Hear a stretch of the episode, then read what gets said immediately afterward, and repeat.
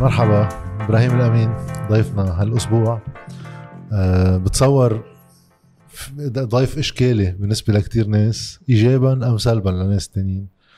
بس بجميع الأحوال برأيي في شيء يمكن لازم ينحكى فيه آه، بمسيرتك وبداياتها. أه للناس اللي تعرفوا على إبراهيم الأمين آخر 10 سنين ولا آخر 15 سنة يمكن بعمري ولا أصغر شوي لتركيبة شوي غنية شوي بتجربتك. حابب بلش معك آه، بالشق الشخصي قبل ما نوصل على الشق السياسي لأنه في نقاشات كثيره بالسياسي وفي مقالين هالأسبوع اللي بناقشهم معك آه، من خلال هالمقابلة. بفكرة الوعي السياسي شو اللي أخذ إبراهيم الأمين بالبداية نحو اليسار؟ هل لا يزال في اليسار؟ شو بيوصف حاله اليوم؟ شوف أنا ربيت آه، ببيئة اجتماعية كان البعد الديني فيها أساسي. يعني حتى عائلتي المباشرة السياد. هي عائلة آه، انخرطت بالعلوم الدينية مش بس بالتدين. يعني آه، فيها عدد غير قليل من الذين انخرطوا بالعلوم الدينية. عملوا رجال دين ليس لإتمام آه، الطقوس بل للبحث ما يسمى الاجتهاد عند الشيعة. لكن آه، وهالعائلة أنتجت آه، مراكز قوى كمؤسسة دينية وانعكست عليها آه، مظاهر مظاهر بذخ. يعني نحن من عائلة عنا آلاف الدلومات من الأراضي. اللي ما ورثناها نتيجة جهد وعمل. نتيجة شو؟ ورثناها نتيجة صلة ما نشأت بين آه، ممثلي المؤسسة الدينية اللي أجدادي هن جزء منها وبين السلطات التي كانت قائمة سواء في عهد الخلافة العثمانية أو ما تلاها لكن التغييرات اللي صارت آه، بعد الحرب العالمية الثانية تحديدا وتقدم الفكر الاشتراكي ببعض الإنساني بالعالم عمل آه، شيء آه، كسر هذه الصورة النمطية. آه، وضح شرارة بكتابه الأمة القلقة بيحكي عن اقتفاء الأثر. وإذا بدك هو بمكان ما تقليد كان موجود عند العائلات حتى الحرفيين يعني نجار بيعمل نجار صح. مهندس بيعلم مهندس حكيم هيك. فكان على طول رجال دين أولادهم يا بيكونوا أو بيكون في حدا منهم رجال دين حصلت هذه الانتفاضة بعد الحرب العالمية. عشيه الحرب العالمية الثانية وبعدها وأخذت بعد آخر بأفكار نقيضة للفكر الديني. أنا والدي من الأشخاص اللي انتموا لهذا التيار بصيغته آه التي قامت على انتصارات الحرب العالمية الثانية. يعني, يعني على تمدد الفكر الاشتراكي وتمدد النفوذ تبع الاتحاد السوفيتي بالعالم العربي كجزء من العالم وانخرط بالحزب الشيوعي. وهذا كان له تأثير كبير على تربيتنا. يعني المكتبة بالبيت آه، نوعية الحوارات النقاشات الصلات الاجتماعية. ولذلك لما كبرنا يعني بتذكر أنا بعد البروفي يعني كان هون صار في اقتفاء أثر. كان تلقائي إنك أنت تفوت على الحزب الشيوعي. بس هذا شو بيعمل مع العائلة الأوسع اللي بقيوا بالجو الديني؟ صار ما صار في شرخ. صار في صدامات طبعا صار في شرخ. يعني أنا مثلا بيي لما تجوز أمي واجه مشكلة من رجال الدين. ليش؟ لأنه في ذلك الزمان يعني عم تحكي بالخمسينات كان بعدهم يعتبروا الشيوعي قصة مش منيحة. آه. فمثلا أنا بعرف إنه بيي مش بسهولة للاقى رجل ديني يزوجه. لكن بي من مدرسة يعني هو بعض الشيوعيين يعني هذا الشيء بنعرفه عند جزء من الشيوعيين بالسودان عند البعض بالعراق آه، البعض بسوريا هو إنه ليس من الضرورة أن ان أن التغيير يوجب الاصطدام بال بالعلاقات الاجتماعية بمنظومة العلاقات الاجتماعية اللي هي موروث آه، شعبي ليس كله يعني مش كله شيء بشع. فأنا أهلي يعني لما بي عمل شيوعي أمي آه، بقيت آه، امرأة متدينة ولم يكن يؤثر ذلك عليها. يعني حتى جدي كان يلبس آه، آه، يعني الزي الديني وما كان عنده شعور بال آه، بالأزمة لأنه كانوا الشيوعيين في تلك الفترة عم يتصدوا لتحقيق مجموعة من المطالب. وكانت السلطة الدينية هي وحدة من السلطات التي يجب مواجهتها لأنها كانت تشتغل عند النظام. مم. يعني كانت آه، تبرر للنظام كانت آه، تروج للنظام وكانت تقمع أي فكر تغييري لمصلحة النظام تستخدم الدين وأدوات الدين. حتى بالبيئة الشيعية اللي بوقتها ما كانت كثير طبعا متنظمة هو أصلا إذا بدك ال... يعني التيارات الاشتراكية بين الهلالين اللي مثلوها الشيوعيين والبعثيين آه، في البيئة الشيعية آه، صار نمو. صار نمو كبير يعني. بينما الحالات الأخرى مثل القوميين السوريين كانوا محدودين يعني. التيار اللبنانوي آه، عند الشيعة مقتصر على العائلات المتصلة بالنظام أو بعض الذين انتموا إلى الدولة من خلال منظومة الوظائف و- وما إلى ذلك. لكن الكتلة الأكبر آه، راحت على هذا المطرح. وإجا أضف على ذلك قصة فلسطين. لأنه الجنوب آه، كان آه، كان شيء مختلف قبل 48 وبعد 48 أي طبعا. يعني أنا بي لما نجح بال بالسيرتيفيكا يعني مثلا بعته جدي أعطاه يعني ليروح يجزر بحيفا. كانت الحدود مفتوحة. إيه. آه، كانوا الأولاد ال- ال- الجنوب اللبناني المتاخم للجليل يروحوا يشتغلوا بفلسطين يشتغلوا بحيفا وبعكا. بتعرف في بعض العائلات اللبنانية بقيت في فلسطين بعد قيام إسرائيل. مم.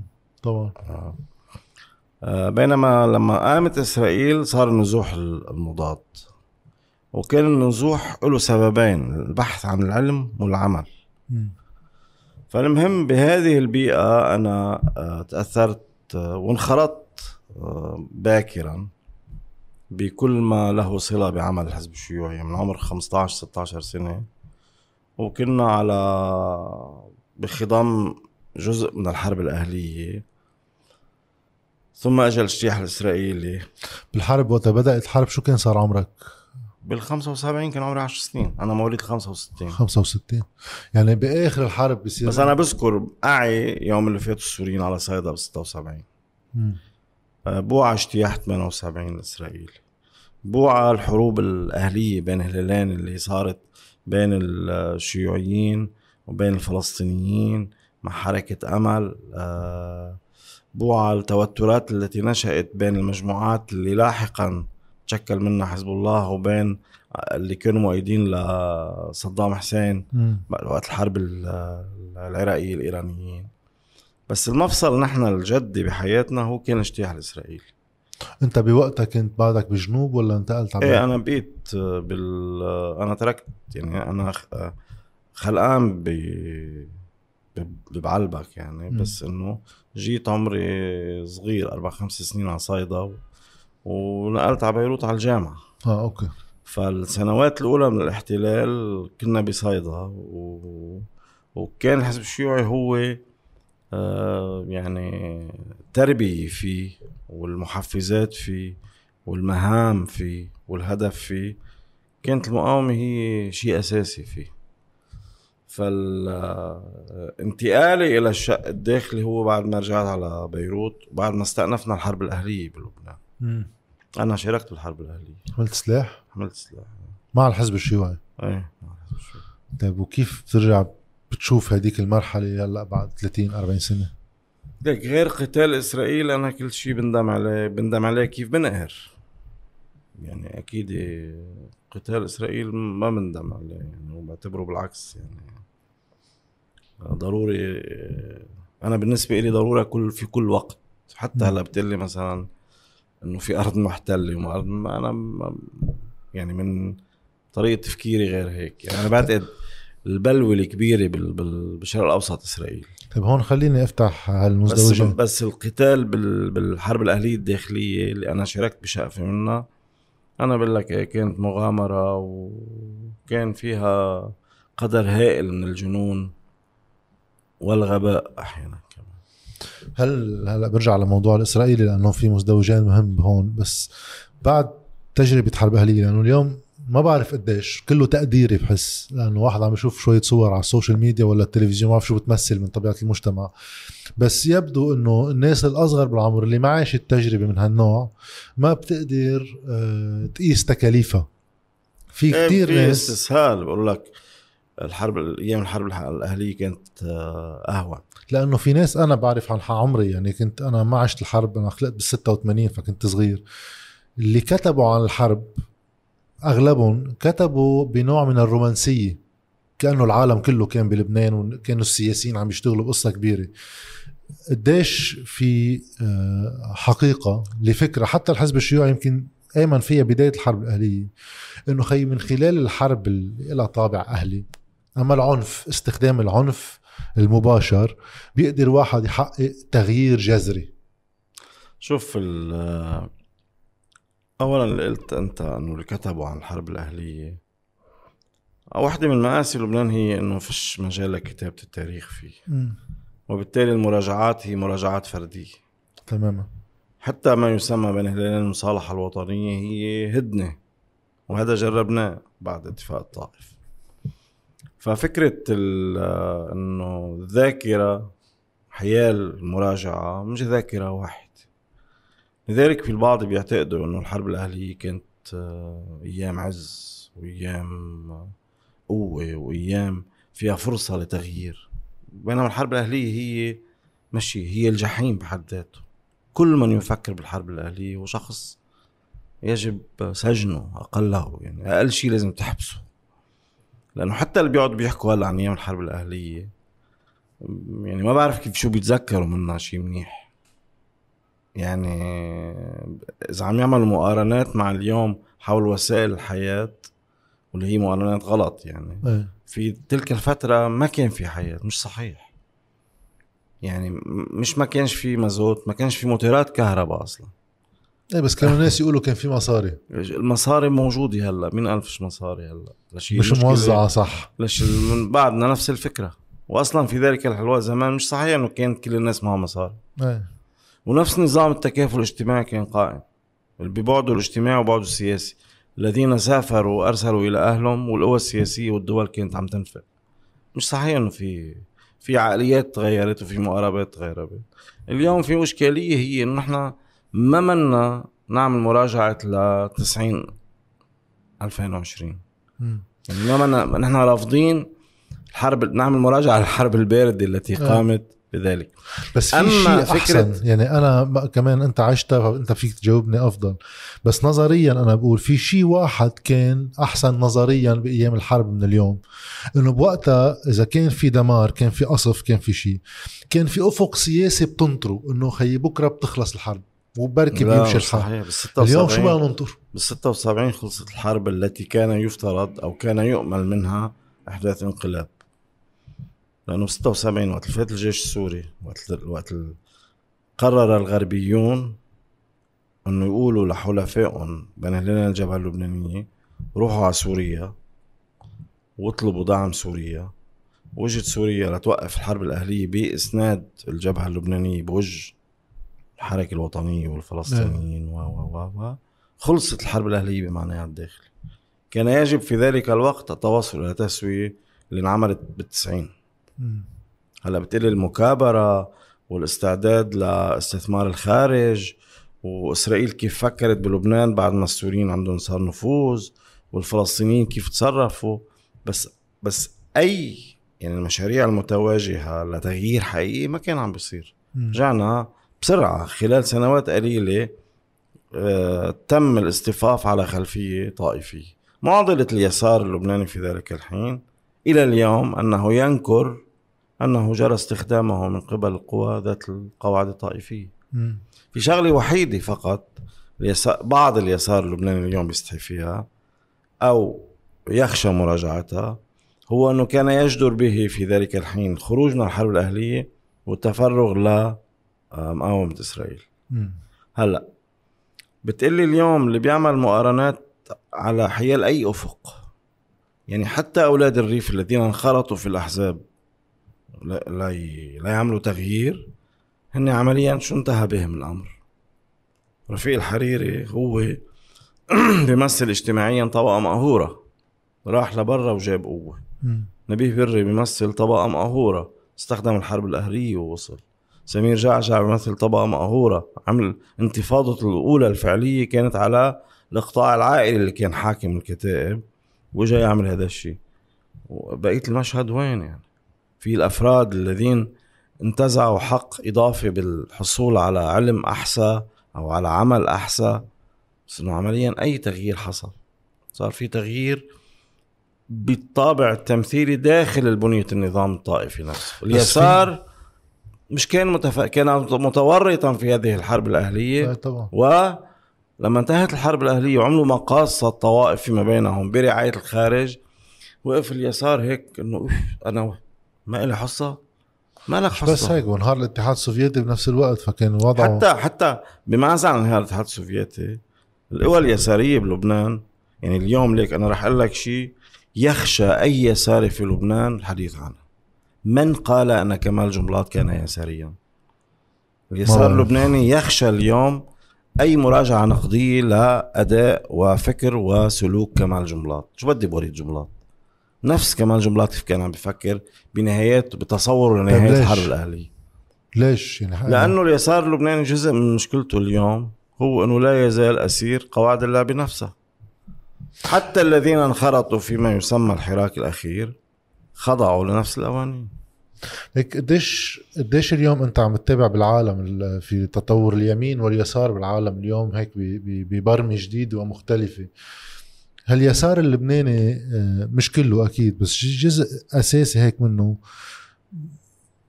كأنه علقان بمحل قطع. مش معناتها بالأفكار غلط لأنه الأفكار بتبقى أفكار. بس في شيء كأنه آه علقان بحقبة تاريخية. جزء من شوف لك أنا مرة في صديقنا هو صديق شخصي ورفيق عمر ماهر أبو سمرة عمل فيلم اسمه We Were Communists أنت لما كنت تفوت على هالأحزاب اليسارية كان يفترض قبل ما تفوت تتخلى عن كل شيء ألصق بك منذ ولدت. دينك طائفتك منطقتك حتى اسمك. م. وبالتالي كل هذه السلوكيات. تبين لي أنا إنه كنا حاطينه بصندوق أمانات. لما انهارت القوى السياسية وفلينا البعض مننا استرد هذه الأغراض من من صندوق الأمانات والبعض ما استردها. أنا بدي لك إياه أنا بالنسبة لي مشكلة القوى المشكلة لما يسمى اليسار في لبنان اليوم آلة القياس اللي بتستخدمها لتبني موقف أو تشخص آلة ما لها أي أساس نظري أو فكري. م. يعني اليوم أنت كيف بتقرر أنه وين بتكون بالصراع القائم؟ أنت لما بتقول تقاليد اليسارية تقول بمواجهة الإمبريالية. كيف بتشخص الإمبريالية بلبنان؟ ممثل بمين؟ م. أنت لما بتقول أنا بدي أعمل دولة مدنية مثلا هل شرط الدولة المدنية القضاء على المتدينين؟ لا. أو إقامة نظام من نوع آخر؟ ليش بياخد موقف أنا اجتماعي من طبقة وبياخد موقف اجتماعي معاكس من طبقة تانية؟ بناء لشو؟ أنا برأيي اليسار هن أفراد. لذلك صار في مصطلح درج اسمه اليسار السابق. شو اليسار؟ شو المدلول المعرفي لكلمة يساري حالي ويساري سابق؟ يعني أنا برأيي الحزب الشيوعي اللبناني اليوم هو حزب شيوعي سابق. كل طريقة تفكيره ما العلاقه بما يفترض يغير يعني لازم بقول لازم يغير. في كتل كبيرة من الشخصيات اللي بيقدموا حالهم مفكرين وأصحاب آراء وبقولوا هم مثل يساريين. أنا برأيي هن آه، مراقبين. إيه بس. يعني والدليل إنه من ال 91 92 عندما تشكلت دولة اتفاق الطائف وفات اليسار بأزمته لم ينتج كل هذه هذا الجدال والسجال لم ينتج أي فكرة إلى معنى.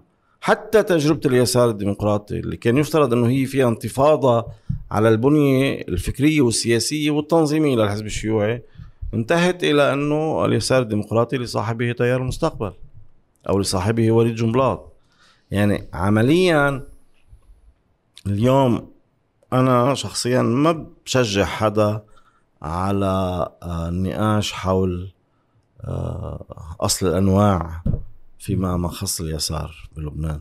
لأنه اليسار بلبنان آه، يعني بدك تقول لي مثلا اليوم أنا إنه كيف أنت بتقرر كيف تعمل بورتري لواحد يساري؟ كيف بتقرر فلان يساري؟ بناء لشو؟ إنه لازم يكون هاي وهاي وهاي, وهاي استنادا لشو؟ يعني إذا إذا بتسألوا لليسار اليوم هل أنت تناضل من أجل قيام نقابات عمالية حقيقية؟ بيقول لك هول يساريين نحن نرفض الإدارة الحالية للنقابات العمالية الحالية. ما أنت بتعرف يا حبيبي إذا بدك تعمل نقابات جدية قديش نسبة العمال اللبنانيين فيها؟ ما تغيرت طبيعة المجتمع أصلا. طيب معناتها طبيعة الاقتصاد المنتج اختلف. طبعا. فالمعايير ليش عم تفترضها هي ذاتها؟ أما تيجي تقول لي مثلا إنه اليساري هو مش طائفي مين قال لك القوم السوري طائفي لا أساسا في مين قال لك مين قال لك ما لا لا لا, لا يعني. مين قال لك هول النصابين والحراميين نازلين يقرطونا ويسرقوا كل شيء إنه هن طائفيين يعني؟ صح صح. مين قال لك إنه هول الزعماء يعني؟ حتى إذا مارسوا وهو يعني رياء آه، ما يسمى بين هلالين الطقوس الدينية إنه هن متدينين يعني. أنا سؤالي البسيط هو في إنه ليس هناك من معايير موحدة وهذا أمر موجود بالعالم. يعني الانقسام بين اليسار بالعالم كمان حد إيه بس في شغلة الفرق أنا برأيي بين الانقسامات الخارجية اللي شوي بيوضح فيها هالمعايير إنه شو هو الوسط شو هو اليمين وشو هو اليسار. وبعدين في يصير في تطرفاتها. والواقع اللبناني إنه في وحدة قياس أساسية أما ملعب وقوانين لعبة من خلالها بيقدروا ينقسموا الناس. نحن ما قبل وجود هالملعب اللي هي دولة. أنا اليوم إذا ما عندي دولة على أي أساس بدي أنا أجي أقول إنه اليوم بدي أحكي عن نقابات أنا بقول لك أنا بالنسبة لي أنا كيف بشوفها؟ بشوفها إنه اليسار هو شيء عام موجود بكل العالم. أصلا نحن لما كنا بالحزب الشيوعي أنا كنت أقول لرفقاتي إنه أنا إذا كنت موجود بأي دولة بالعالم وضعت بقول له لتاكسي خدني على وين مركز الحزب الشيوعي ومش قلقان. أنا كنت فوت لعند كنت ممثل الحزب الشيوعي بالجامعة العربية فوت لعند رئيس الجامعة. آه، أحكي معه وأنا براسي وراي المنظومة الاشتراكية كلها. يعني أنا بالنسبة لي اليسار يعني بالبعد الاجتماعي والتنموي هو مواجهة الرأسمالية بمظاهرها المختلفة. من يقود الرأسمالية بالعالم بقي ثابتا اللي هو أمريكا والغرب يعني أوروبا الغربية وأمريكا. وانتقلت من مرحلة الرأسمالية بين الهلال الوطنية العاقلة التي تجعل التنمية شرط لنموها إلى رأسمالية متوحشة بتمارس شيء أبشع من اللي مارسه الاستعمار القديم لما بيسرق ثروات وقدرات و... طبعا الأمريكيين أذكى من الأوروبيين في أنهم استخدموا الهجرة لم يخشوا الآخر يعني قالوا له تعال عنا للشاطر تعال اشتغل عنا واستخدموا طاقات بشرية هائلة عندهم بمنظومتهم. بس هاي الرأسمالية هي اللي بعدها متحكمة بالعالم وهي مصدر مصدر الشر بالعالم. هي اللي بتسرق الثروات هي بتفرض أنظمة هي بتفرض حكومات هي بتفرض ثقافة هي بتفكر كيف لازم تكون الموسيقى والسينما والفاشن والأكل والسياحة. هي بتقول لك آه، ليك خليني أسألك سؤال علمي أنا ما عندي جواب عليه. إلي ليش كل شيء تطور بالعالم إلا سرعة الطيارة ما زادت؟ ما عندي فكرة. طيارة تجارية ليش ما زادت؟ ما بعرف. طيب مثلا هيك يصفن الواحد شوي ليش ما زادت؟ آه انت اليوم لما شو مشكلتهم؟ شو مشكلتها هي الرأسمالية مع الصين؟ إيش عم تقول إنه أنت استوليتي على ثروات شعوب وعلى طاقات بشر وعملتي منتجات ضخمة تحكمتي بالعالم فيها؟ أنا رح أعمل مثلها. شوي قالت لها رح أعمل مش رح اقلدها رح ساوي أنا مشكلتي معها. أنا اليوم هون إذا بدي رد يعني أطلع من هذا العالم الكبير وأجي على بلدي بتطلع بلاقي أمريكا بترعص فيها وين ما كان. طيب بس في هون نقشك بترعص فيها بالسياسة وبالاقتصاد وبالاجتماع طبيعي. وبالثقافة وبالأمن. وبشوف إنه هي هي هي مصدر المشاكل الحقيقية. ليك أنا وين الإشكالية بهذا الجانب؟ صحيح هو هو واقع اللي عم توصفه. بصير السؤال بالاختلاف بين مقاربتين لكيفية هيك التعامل مع هذا الواقع. في واحد من موقع صحافي أو من موقع أكاديمي ياخذ موقف إنه أنا بدي واجه الرأسمالية وعلى رأسها طبعا رأس الرأسمالية أمريكا وثم أوروبا وغيره. ولكن هيدا الموقف مستقل عن موازين القوى. أنا صحافي أنا عم بعطي موقف. هلا إذا بصير بسلطة إذا أنا اليوم عملت افترض بلبنان إلى مركز حكم رئيس الحكومة مثلا كيف بيتصرف مع هالشيء هل سهل واحد يقول أنا بدي واجه أمريكا؟ لا ما أنا بقول لك أنا على ذاك بقول لك اليوم مثلا أنا بحزن على اللي قاعدين مفكرين إنه بدهم يغيروا يغيروا الوضع بالانتخابات بحزن على اللي معتقدين إنه هذا النظام النظام يمكن تحسينه أو تغييره طيب من داخله كيف يمكن تحسينه؟ أنا ما ما في ما في مجال لتحسينه هذا يحتاج إلى نسف طيب بتقول لي كيف يحتاج إلى نسف؟ من دون ما نروح على حرب لا مش من دون يمكن بالعكس مرات كثيره في بعض بسموها الممرات الإلزامية بالحروب. م. أنت بتضطر تملك بهذا الطريق وله كلفته انه يمكن تخسر ضحايا أكثر أو يمكن أنت تدمر أكثر لتقطعه بسلام. الممرات الإلزامية بما يسمى تطوير آه، قواعد الاجتماع بمجتمعات أحيانا بتكون قاسي. بتكون ما يسمى الولاده القيصرية يعني اللي فيها جرح. وفيها آثار وآثار النمو مش كلها صحية. يعني الولد الصغير بيبكي وبيصرخ وعم تطلع حرارته وعم يطلع اسنانه يعني مثل ما في واحد هو عم بيموت بيصرخ. يعني اثنيناتهم بيصرخوا. اللي عم اقوله إنه اليوم نسف النظام نسف النظام يجب أن يحتاج إلى آه، تشخيص دقيق. يعني أنت هل هذا الشعب قادر على بناء دولة إلى كل مقوماتها؟ خليني بلش من كيف ينتج من أين ينتج؟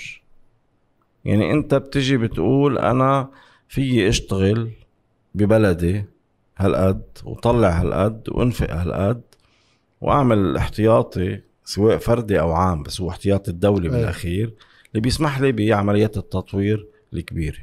طب كيف بحمي هالبنيه شو هي الهوية الوطنية اللي بدها تجمع؟ طيب شو هي القواعد السياسية اللي بتنظم الحياة بين البشر؟ شو النظام الإداري الأنسب لجعلهم يبدعوا ويشتغلوا أكثر أنا اعتقادي أنا شخصيا بقول بالتجربة لأن لبنان وهم دولة وهم. بأي معنى؟ دولة مش حقيقية. دولة قرر الاستعمار إنه هي اسمها دولة اسمها طيب، لبنان. طيب اسمها كل المنطقة. الأردن قرر الاستعمار. ولذلك هي الدول فاشلة. لذلك هي الدول من 100 سنة لليوم من فشل إلى فشل إلى فشل إلى فشل. ليش في شي دولة بالعالم هي وجودها إنه كل دولة بالعالم وجدت سياسيا بفعل سياسي احتلال حدا رسم إيه, إيه ما لا بس كان في مقومات. أنت في دول بالعالم كثيرة عندها اقتصادها المتكامل أنت يبنى. آه يبنى. لحظة يبنى. أنا أعمل لك اليوم أنت أجي خذ لي القطاع الزراعي بلبنان أو قطاع التعليم بلبنان. في فرصة جدية لتعمل هذا الشيء. وفي فرصة جدية لتقويه لهذا الشيء. وفي فرصة جدية لتصير مصدر يعني مصدر إمكانات وطاقات وهيك صح؟ م. يحتاج إلى توافق. ليش؟ مش مز... لأنه على النظام لنا نحن. إيه إنه إيه. انت أنت بتعرف شو صار نضالات لصار في جامعة لبنانية؟ إيه بس بوقتها مثلا كان في قوة اجتماعية عم تدفش يعني حتى صار في صحيح. مين اللي دمرها؟ مين اللي مين اللي دمرها فعليا؟ مش بس النظام الطائفي دمرها بلبنان. السطوة المالية. لا الأمريكان دمروها. بشو؟ الأمريكان لما أنت شوف لي أي دعم جدي. أنا مرات في حكي بيفهم. أنا مثلا ضد إدارة الجامعة الأمريكية ببيروت لانها بتشتغل سياسي. يعني بيقولوا نحن بنشتغلش سياسي. دوج هو الذي أوشى للمخابرات اللبنانية والفرنسية بأنطون ساعاتي اللي كان رئيس الجامعة الأمريكية. إدارة الجامعة الأمريكية بتديرها منظومة بتديرها منظمة سياسية شديده التطرف هي المؤسسة الإنجيلية اللي الرئيس الحالي للجامعة منها. هاي منظمة مش جمعية خيرية. ليش في واحد من آخر الدنيا جاي يعمل لك جمعية خيرية هون؟ انتبه أنا هذا مرات أنت بتقول لك آه يعني أنت ضد يا أخي أنا مش ضد الجامعة الأمريكية ولا ضد الجامعة اليسوعية. ولا ضد. بس ليش هالمؤسسات إدارتها كيف تتركب؟ ليش هالمؤسسات بقيت وقويت وانهار التعليم الرسمي؟ ليش الطوائف اللي مرتبطة بالنظام الرأسمالي ها عملوا نفس الشيء. إجوا يقلدوا الإرساليات ودمروا التعليم الرسمي. هن لحالهم عملوا دمروا التعليم الرسمي؟ يعني رفيق الحريري هو قرر من راسه يعمل. يدمر التعليم الرسمي؟ إيه بس هل أنا اللي بدي أقوله هل في فكرة قرار خارجي بتدمير حكما حكما في قرار أنا أنا ما انه في قرار خارجي. منفعته؟ منفعته إنه هذا البلد يوم اللي بتشكل كقوه جديه متماسكة بي بيعدي هذا هذا يعني ال- ال- الشيء المنيح بلبنان بيعدي كل محيطه بس الإشكالية بتصير إنه اليوم القوة السياسية أما الصراع طبيعة الصراع السياسي بلبنان أساسا يعني بين جماعة اللي هن قراب من أمريكا واللي هن بعداء مع سياسة أمريكا ولا مرة هي محور النقاش ولا مرة طبيعة الصراع هي تعالوا تنشوف التعليم الرسمي تعالوا تنشوف الطب بشقه الرسمي أيضا بلبنان القطاع الصحي بلبنان تعالوا تنشوف النقل العام صح صح ما هي هلا الماضي الحقيقي بلبنان شو هي؟ ليش هلا نحن مش عم نشكل حكومة أو تتشكل حكومة؟ إيه ليش شو عم يختلفوا هن؟ سألوا لنجيب مياتي قال لهم لا ما حكينا بالبرنامج بس هو موجود وأنا كاتبه. وكذا وكذا وبذهن ليش هن عم يحكوا بشو بدها تعمل الحكومة ولا عم يتخانقوا مين بده يكون بالحكومة؟ ليش ال ال ال غالبية ال- المؤثرين بين هلالين بالحراك المدني جمعيات أو شخصيات أو إعلام أو هول شو هجسهم ليش؟ هجسهم يفوتوا على الدولة. يفوتوا يستلموا مناصب وياخذوا امتيازات مالية ويهربوا من الضرائب ويظبطوا دعم من هون ودعم من هون. بس شو بيعملوا غير هيك؟ بدهم يقعدوا بهذا النظام بهاي القاعة تاعت النظام فعليا. فبتقلي هول هن بدهم عامل لك لذلك مش صحيح إنه مطروح التغيير.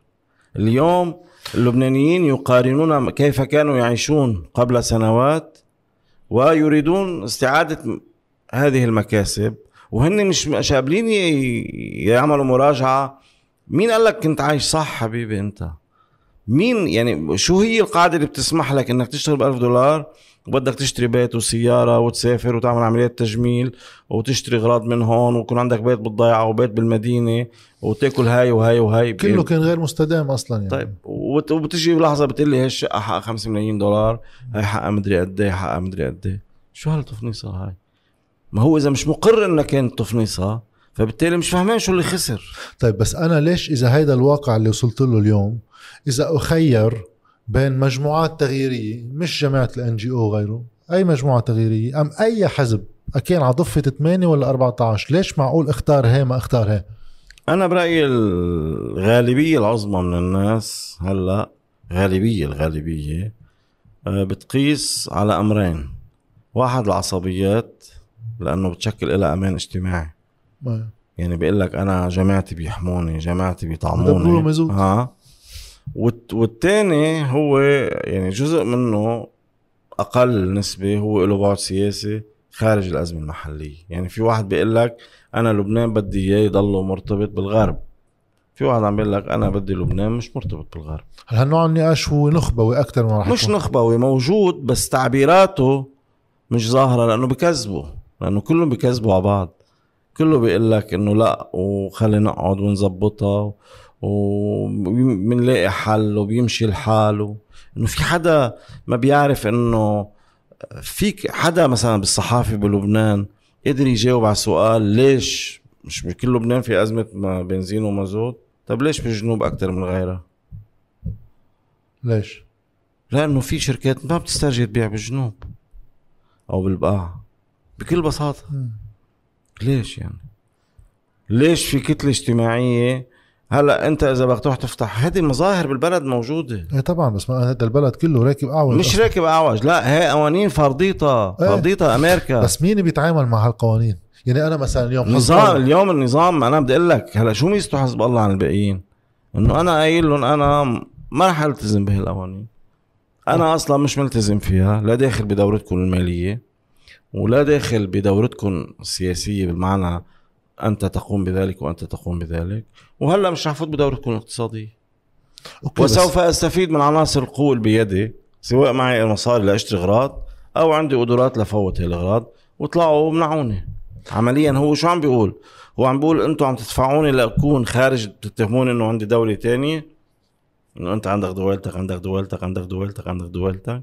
طيب okay شو- يعني بكون يعني شو عقابي يعني إنه أنا إذا ما استسلمت بكون تموتوني بس أنا. هون يعني آه، في مقالين كتبتهم بهالأسبوع بالتسعة آب و ب 14 آب مم. المنظومة تحاصر عون سلامي يلتزم قرارات مئاتي وقبل قبائل لبنان والفاشية الجديدة مم. في مقطعين بي بيقطعوا شوي على الموضوع هاي روح على اقصر منهم. عم تحكي بمقال المنظومة تحاصر عون إنه في تحالف بيجمع بري وجنبلاط وسعد الحريري وفرنجية ونادي رؤساء الحكومات- السابقين. بشارة الراعي ومرجعيات دينية أخرى. إضافة إلى إعلام ممول من الأمريكيين والسعوديين والإمارات والقطاع المصرفي والاحتكارات والكارتلات والهدف عزل المقاومة. بدءا بالإطاحة بميشيل عون صح. طيب. إلى جانب هذا المشروع والتقسيم عند القوات اللبنانية ذكرت بالمقال إنه عند بعض الناس بالقوات اللبنانية. طيب هل إذا إذا هيدا المشروع المقابل اليوم حزب الله باللي عم بيعمله عم بكرس بدل ما نروح على حل عبر دولة عم بقول أنا قادر حل عن جماعتي. طيب ما هيدا هو حل القوات؟ صح خليني أنا أقول لك شيء أول شيء في نقطة إلها علاقة بإنه هل هناك جواب عند حزب الله للسؤال اللبناني. أنا رأيي ما عم شوفه يعني. عم لك هل هناك جواب؟ قد لا يكون هناك جواب. وليش مش موجود؟ أو ليه مش منقال؟ واحد قد لا يكون هو حقيقة موجود يعني ما عنده جواب هو لما يسمى بين هلالين المسألة الوطنية اللبنانية. واثنين لأنه هو مش شايف أنه المسألة الوطنية اللبنانية منعزلة عن المسألة الكبرى بالإقليم. ولذلك انخراطه بالمقاومة ضد إسرائيل لم يكن مرتبط فقط بتحرير آه، ضيعتين بجنوب لبنان أو شابين مأسورين عند الإسرائيليين. أصلا حتى المقاومة في زمن اليسار وفي زمن القوميين العرب وفي زمن الفلسطينيين لم تكن مقاومة لتحرير الأرض اللبنانية فقط. وكل من يقول ذلك كاذب كاذب كاذب. اثنين حزب الله عند شو مشكلته؟ حزب الله أرغم بسبب حسابات خاطئة أنا برأيي. على الخروج عن أن يكون خارج هذا النظام بفترة الوجود السوري. كان عامل صفقة مع السوريين. أنا بد حتى ما أكون عنصر إزعاج داخلي ما يقربوش على مقاومتي. وكان لديه جدول أعمال يومي مليء استحقاقات العلاقة بصراع مع إسرائيل. والناظر السوري أنا سميته الناظر السوري كان حامل عصاية يكسر له ديل اللي بيقرب على المقاومة مم. فجأة راحت القصة شكل انخراطه لحزب الله في الدولة شو كان؟ كان لحماية التسوية التي كانت قائمة في خلال الوجود السوري أن أعيد صياغة تسوية مع قوى النظام الطائفي بحيث أجعلها غير متآمرة وغير طاعنة بالمقاومة مقابل أنه أنا بقول أوكي هذا لبنان هيك شو بدي أعمل هلا أنا مش راح أقلب الميمنة على الميسرة وخلي الأمور تمشي مش هيك؟ عمليا انخرط بالدولة داخل الدولة بدون برنامج. أنا ليك أنا بعرف هذا الشيء بعرفه مع بالمعنى المباشر. لما انخرط حزب الله بالحكومة وهيك كان يوصي وزرائه إنه اوعكم أنتم تتلوثوا بالفساد. واحد اولا. ثم امنعوا حيث تقدرون الفساد. ها؟ لكن ما كان يقول لهم إنه أنتم مهمتكم تخوضوا معركة. ضد الفساد لأنه هو بيعرف إنه المعركة ضد الفساد هي مش تفوت على الحكومة كيف ما كان ولا تقبل بأي حقيبة ولا تقبل بأي دور ولا لا يصير التوزيع الحصص بهي الطريقة. عمليا أنا شو رأيي مشكلته لحزب الله؟ كان يجب أن يدخل الحكومة ببرنامج وأما أنه لا يريد ذلك ليش بده يقعد فيها؟ أنا هلأ جزء من نقاشي لما بكتب لهم بكتب هالشيء وبقول لهم إياه. شو ما عادكم بهالاوضه اللي فيها كل هالعرصات والحرامية ولاد الكلب؟ شو ما عادكم جوا أنتم؟ ليش بدكم تتحملوا وزر هذا الوزر البشع ها؟ من تحالفات مع حلفاء لن يقدموا لكم شيء حتى في حماية أصل المشروع. بس مين بيقول لك إنه حزب الله ما وصل لخلاصة إنه هيدا النظام بصيغته الحاليه هو أفضل شيء ممكن؟ لا أنا برأيي ستكتشف قريبا إنه مش هيك لا.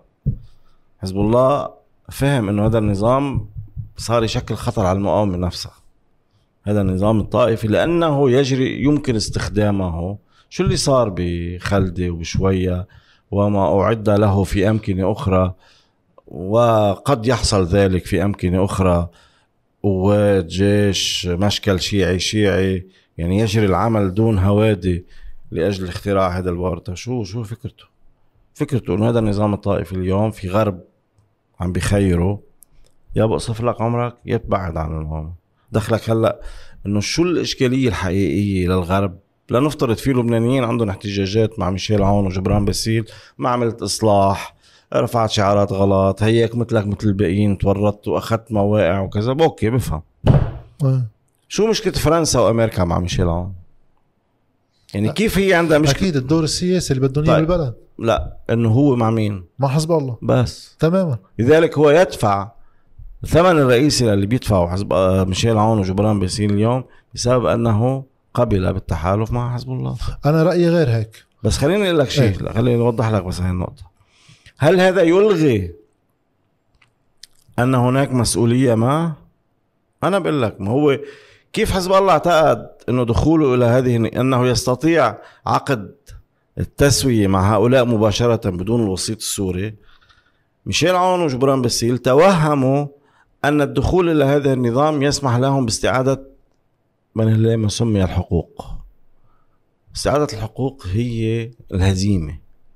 أنت في شيء تغير بالبلد ما سلمت فيه واعتبرت أنه تغيير قسري. عندما أوكلت أمريكا والسعودية لسوريا إدارة الملف اللبناني بين 89 وال 2005 مم. أنت اعتبرته هذا قسري. هذا لم يكن قسري فقط.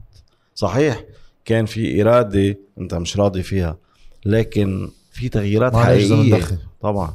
صار في تغييرات حقيقية ب- بلبنان. أنت ما قريت فيها.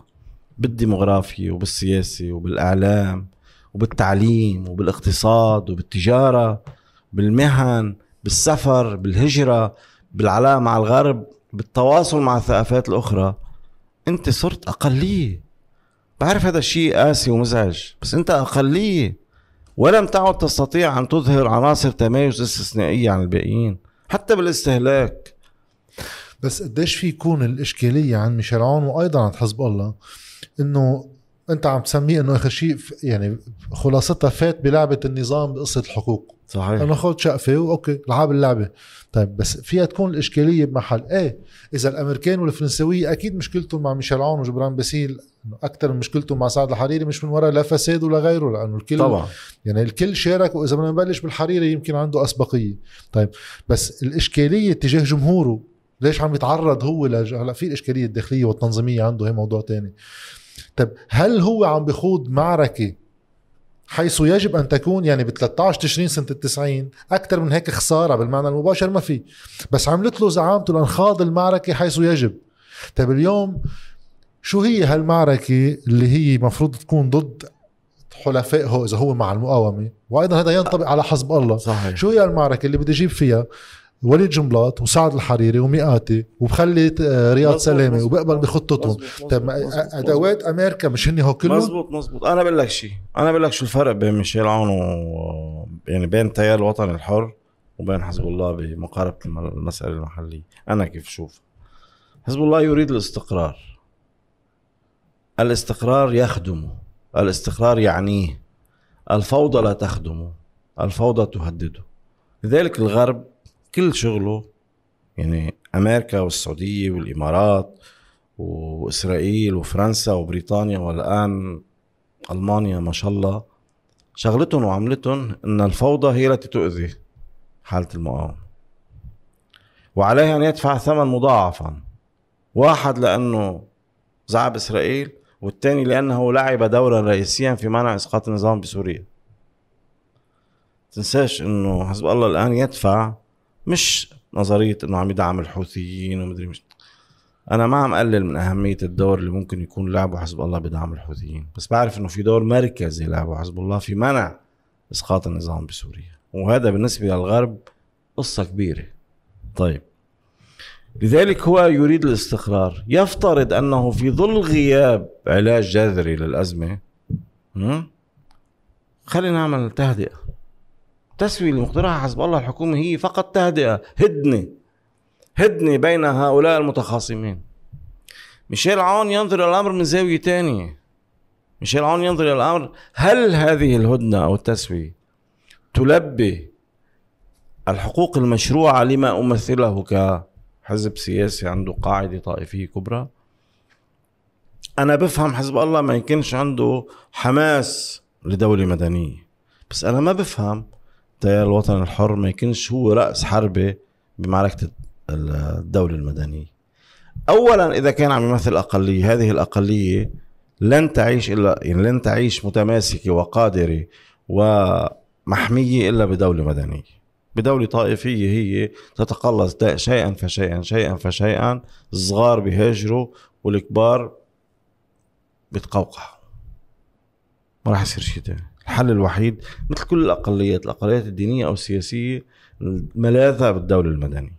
لكن بدي أقول لك هي أنا اعتقادي اليوم إنه إذا أنت عم تخير قوتين كبار خليني ياخذ قوة أكثر فعالية اللي هي حزب الله. بين استقرار بوسط هالهدنة وبين فوضى وحرب أهلية تحت عنوان تغيير أنا بقول لك بدون ما حدا يغش حدا حزب الله بما يمثل من دور داخل لبنان وفي المنطقة لا مصلحته يقبل بالهدنة. المشكلة وين؟ إذا تصرف على أن هذه الهدنة يمكن أن تحمي هذه التركيبة أو تدوم. أنا رأيي حزب الله اليوم أمام التحدي الأساسي إذا نشأ في لبنان تيار جد يسعى إلى بناء دولة مدنية. مش عايش بده يغير بالسيستم كله بالاقتصاد وبالتعليم وبهيك. إذا حزب الله ما فهم إنه هاي حاجة للمقاومة بيكون في مشكلة. ولذلك هو بصير بده يضطر وين يركب تحالفاته مع هاي القوى الطائفية والسياسية التي هي أصل البلاء. لا مش يمكن بس مش هيك عم يعمل؟ ما عمل لك عمل لك. هو هلأ أنا بسميه بمرحلة البحث عن هدنة.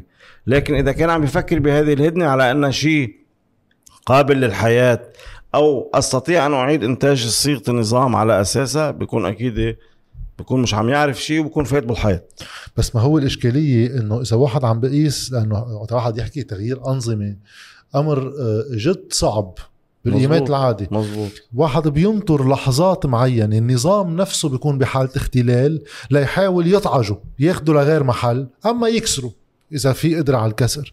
طيب إذا اليوم نحن بال 2019 بدأ في فتحة بهيدا الحيط. وين؟ بآليات تمويل نفسه لهالنظام. وين وين وين؟ راح هيدا راح جرب آه، وضحه.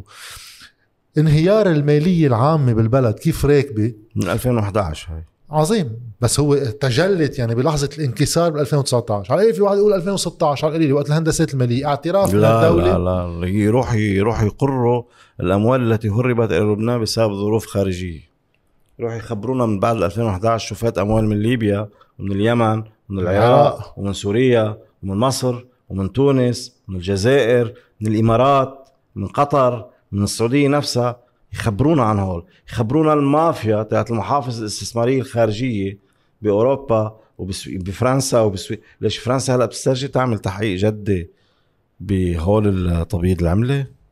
يخبرونا مين مين كان يساعدهم لتبييض العملة؟ بس تماما هذا اللي أنت عم تقوله أنا اللي عم جرب أقوله إنه بلحظات الانكسار بيقدر واحد بفترة من الوقت يشتغل بعدين بتصير كتير صعبة وأصعب بيكون ركب شكل نظام جديد وقوي. وكتب جوزيف سميحة وقلتها بوقتها بالوثائقي مع زياد الرحباني المقال تبعه ب 93 عن مسرحيتين زياد الرحباني كنا بوقتها بفتره انتقالية الحريري جاي جديد بصفة الإنقاذ معه مشروع إنه في زياد الرحباني عم بيقول لنا إنه هاي كلها تفنيصه وهي كلها بتوقع فينا. في واحد عم بيقول لنا بقى تجي. العالم وكان معه حق بوقتها إنه أول شيء بتسب اللي عم بيقول إنه هيدي رح تنهار فيك لأن الناس بتشتري أمل ما بتشتري. مزبوط وبنفس الوقت بحط بتعرف أنا بين هاللين جد بدي لك شغلة الناس يمكن يستغربوها. بس أنا بذكرها يعني مثل ما شايفك. فؤاد السنيورة في العام 92 اقترح على رفيق الحريري البيان الحكومي الأول أن يدعو اللبنانيين إلى شد الأحزمة وأن عليهم الصبر والتعب لإعادة بناء بلدهم. خزق الحريري هذا الاقتراح. وقال له أنا الناس ناطرة مني الربيع. أول مرة تستخدم الربيع آه. في ذلك الحين الكلمة. والخيارات الحلوة وال وال وال وال, وال. انت انت انت اليوم جاد أمام معضلة ما لها علاقة فقط بتاريخنا اللي عمره 50 و60 و70 سنة. لا كل يوم في في كل يوم في ما يسمى إعادة تشكل للوعي السياسي.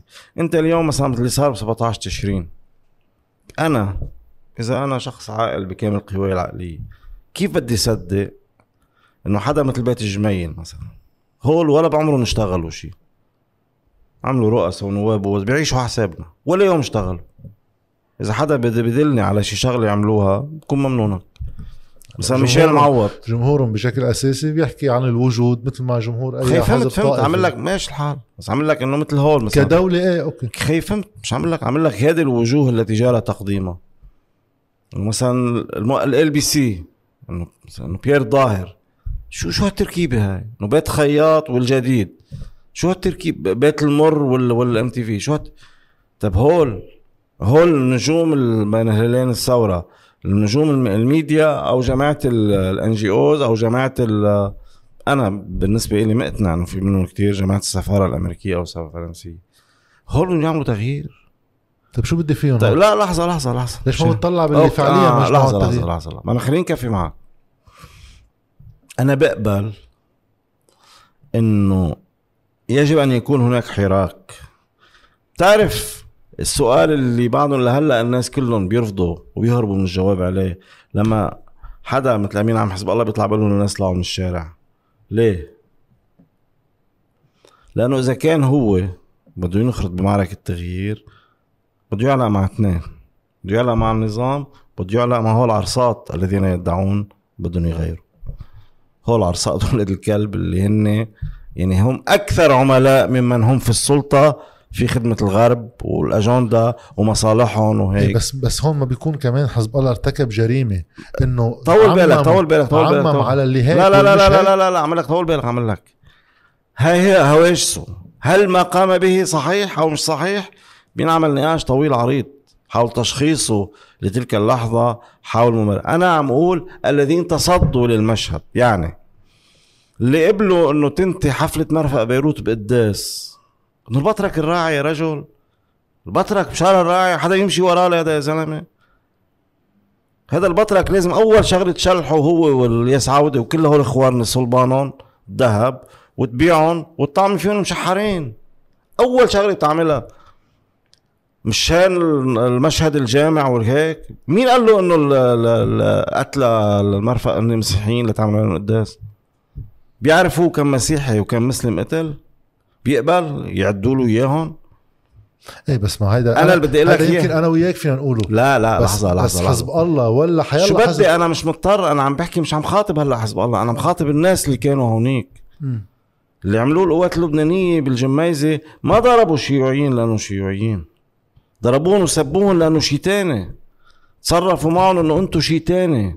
هن استعادوا ذاكرة الحرب الأهلية إنه هول خونة بيشتغلوا مع المسلمين أو مع الفلسطينية والكوفية وما بعرف شو. ها؟ طب أنت قدام هيك مشهد عن شو عم تحكي؟ عن أي تغيير عم تحكي؟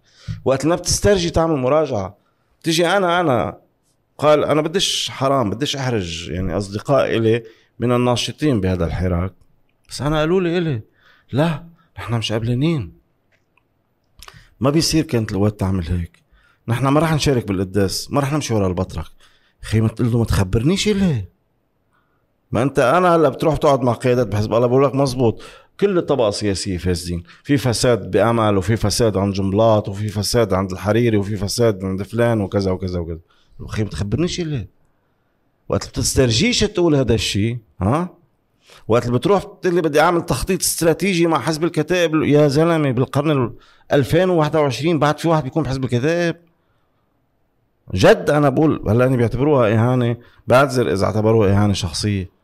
أنا إذا صبي بده يفوت بحزب الكتائب بال 2021 لازم أهله ياخذوه عند الحكيم. بس هون بس هون يعني في كتير يعني في, في كتير بيقولوا عن كتير أحزاب هيك. لك يا أخي مش عم لك؟ لا. ما أنا عم بحكي. يعني لما بتيجي بتقول لي شو بده يعمل؟ الله الوطن العائلة. شو هذا يا زلمة؟ ليك مثل هلا خبرية إنه ما قادرين نعيش معهم. هذا هذا حقيقة قائمة لبنان ولا لا؟ إيه في في شيء عم في شيء عم طيب ينشغل شو. قصده؟ مع مين بدك تعيش؟ بدك تعيش لحالك مش هيك؟ تقصي طيب ماشي الحال كيف بدك تعيش لحالك؟ ما فيك. ليك الفيدرالية هي تقوم بقسرا ولا بالتراضي؟ هول مفروض. اللي بيحكوا عن مفروض الفيدراليه بالتراضي. طيب بركي الباقيين بدنش فيدرالية. ما بتقوم تفرض عليهم فيدرالية يا يا ما بتقوم تبقى بلد واحد يا بتروح تقسيم طيب التقسيم كيف بدك تعمله؟ أنا برأيي عم بيصير كل يوم لا لا عملك كيف بدك تساويه؟ بدك تحميه بدكش تقطره؟ بدكش تحوله لنتائج؟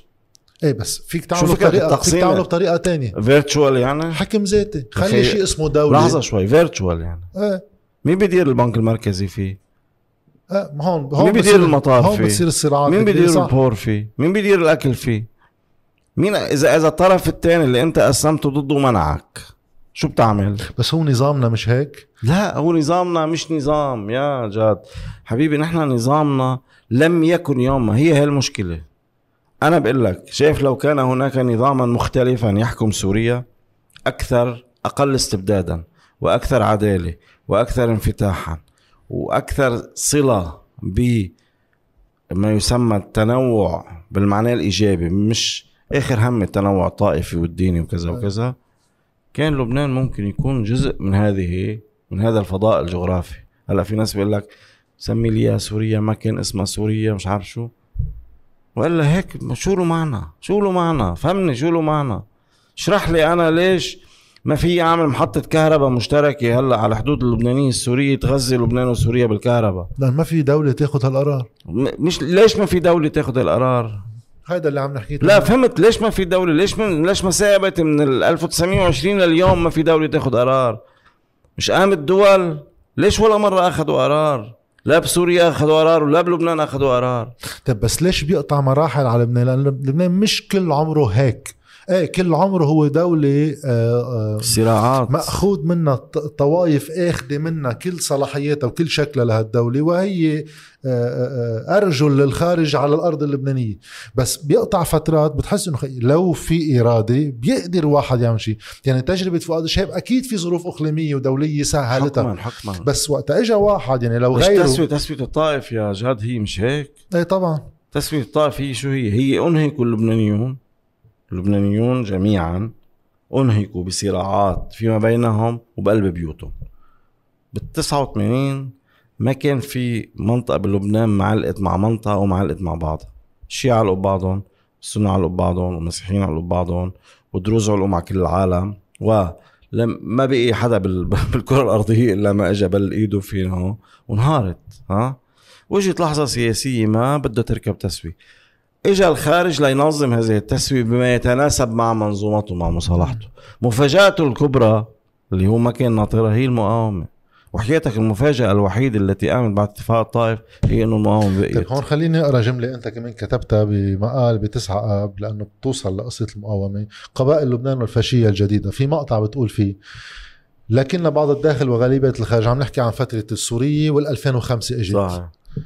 كان يفترض أن خروج سوريا لا يعني إبعاد ناصر أنديل عن مجلس النواب بل إخراج المقاومة من المعادلة اللبنانية والعرض المستمر من يومها إلى الآن.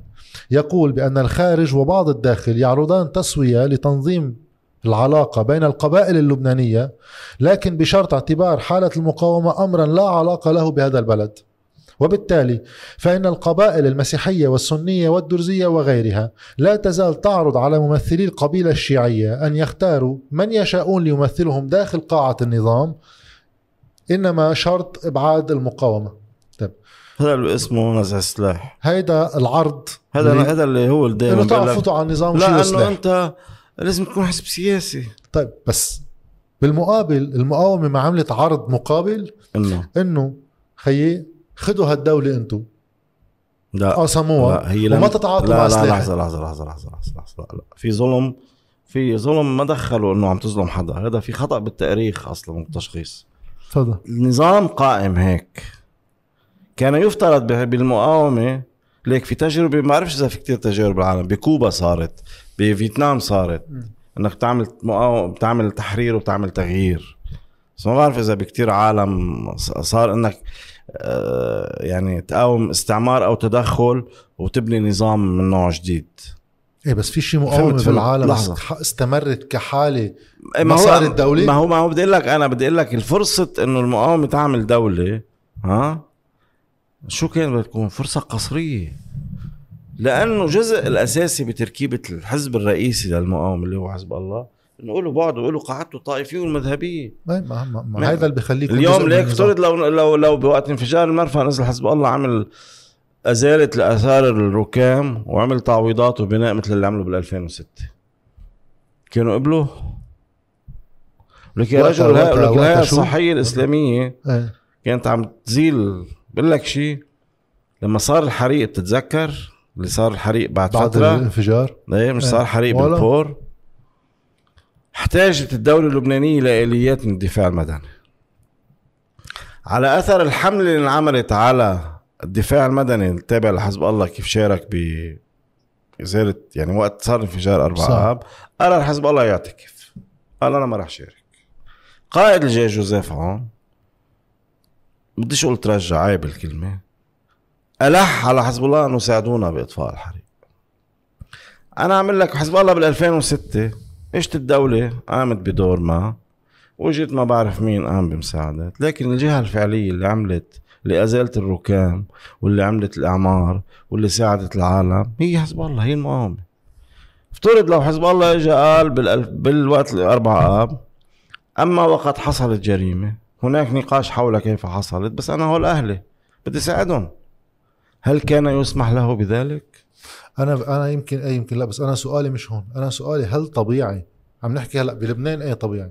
بس هل طبيعي إنه حزب يكون تدخله بفاجعة من هالنوع هو بعرض مساعدة عبر قدراته الحزبية هو ممثل بالدولة؟ لا ما أنا عم لك أنا لا عم لك أنا هذا شقفته اللي هي من خارج الدولة لأنه هو داخل الدولة هو غلط يبقى. مع الت- أنا رجعت آه. برجع عيد لأنه مرات لا ما لا فهمان. عليك. حزب الله مش لازم يكون موجود بالسلطة. أنا ضد يعني أنا شخصيا عندما أناقش الأمر معهم بقول لهم هذا جريمة كبرى ان وجودكم بالسلطة. ما لازم تكونوا بالسلطة. طيب ومين بدير حتى السلطة؟ الذين يعتقدون بأن وجودهم يخفف من التامر عليهم هلا أنا بيعتبروني متطرف. أنا. بقول لهم أنت تملك عصا غليظة. بيعتبروك أنت منك هين لا عمول أنا بقول له أنت تملك عصا غليظة تستطيع فيها أنك تكسر دين وجيران بده يتأمر عليك. وعم نحكي عن شيء محدد. هن بقيوا من وقت اللي طلعوا ال 15 59 لا اغتيال الحريري لكل اللي صار بال 2005 لحرب تموز 2006 لقرارات ل 2007 استمروا يلحقوا يلحقوا يلحقوا يلحقوا يلحقوا لايمتى لعام 7 أيار بال 2008 مم. هني هلأ معتقدين وأنا عم أقول لك عن شيء أنا سامعه مش إنه حدا عم بخبرني أو هيك. اننا سوف نظل نتحرش به نتحرش به نتحرش به حتى يمد إيده ويرد.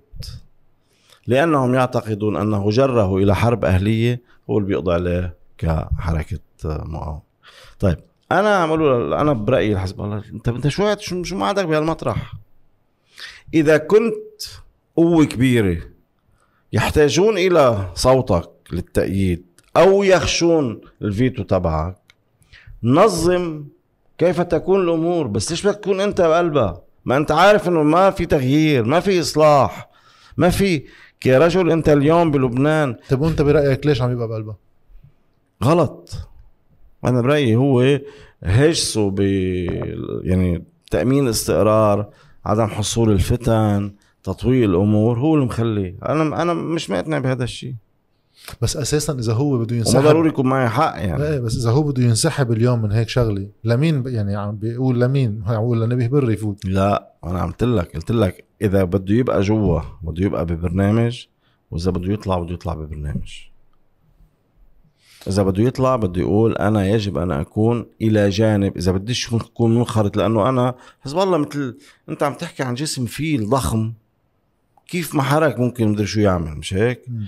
إذا بدوش يكون هو رافعة لحركة تغيير كبرى أو يشك في أنه كحزب طائفي قادر إنه يقود بس هو لازم يكون مش معترض على قيام حركة جدية تسعى إلى بناء دولة مدنية مش مرتبطة بالغرب.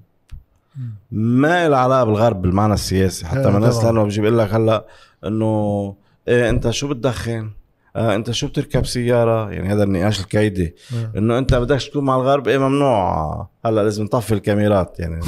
ما بعرف شو يعني أساس.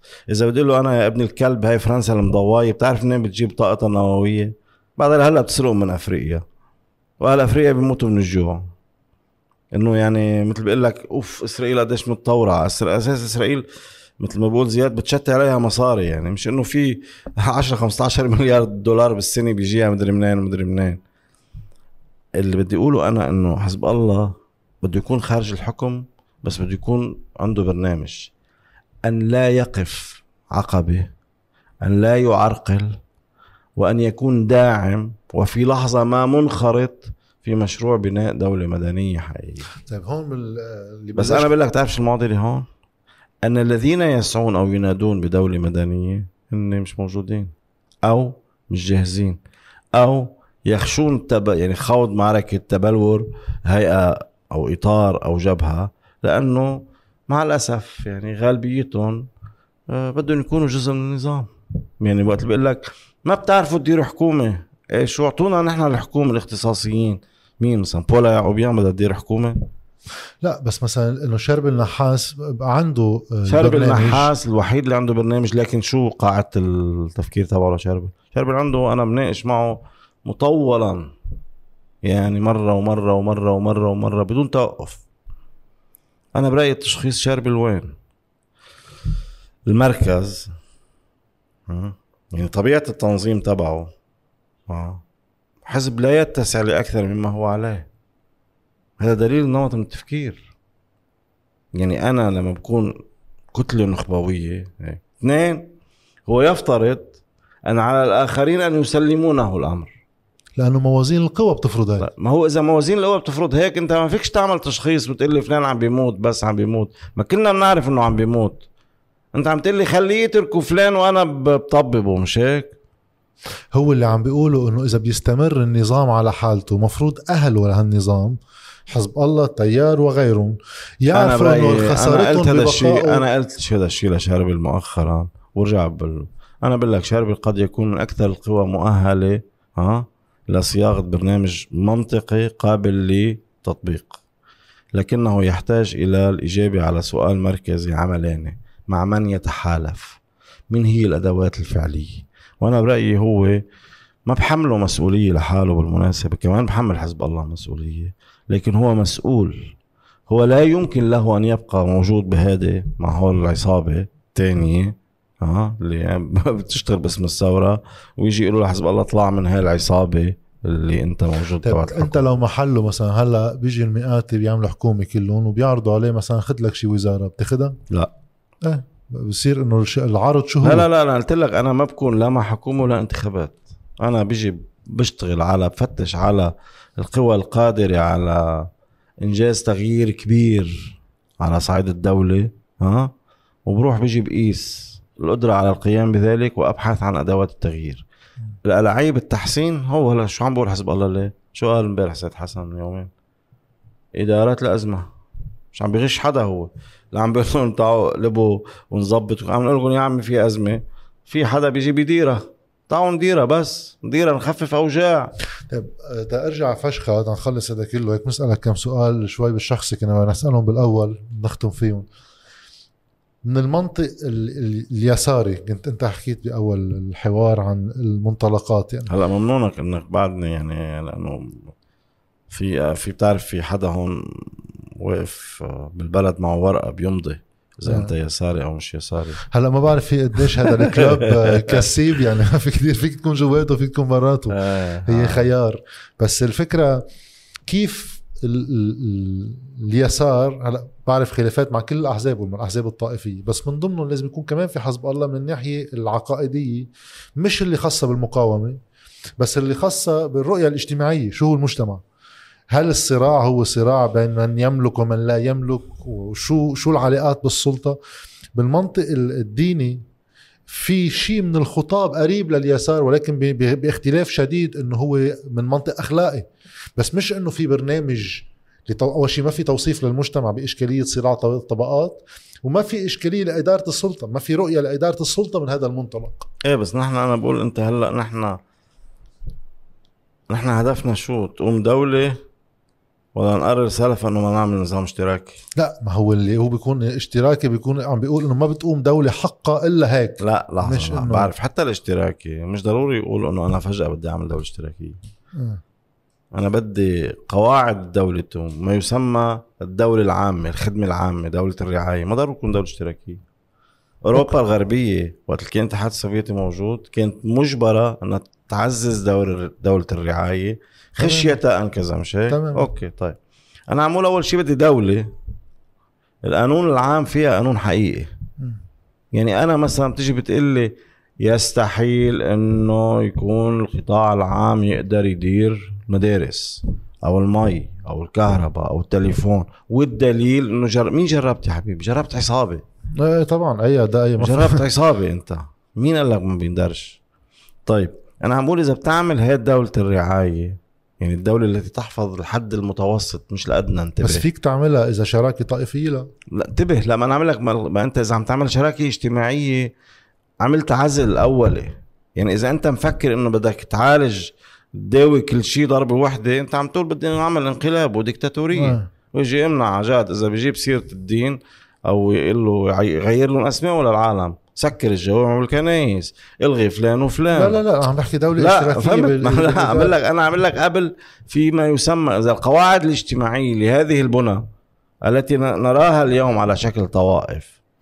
إذا لم تعد تشعر بفروقات حيال الدولة اللي بتقدم لهم إياه بما يسمى المشتركات البديهية بالأكل والشرب والسكن والطرقات والبنى التحتية و و و.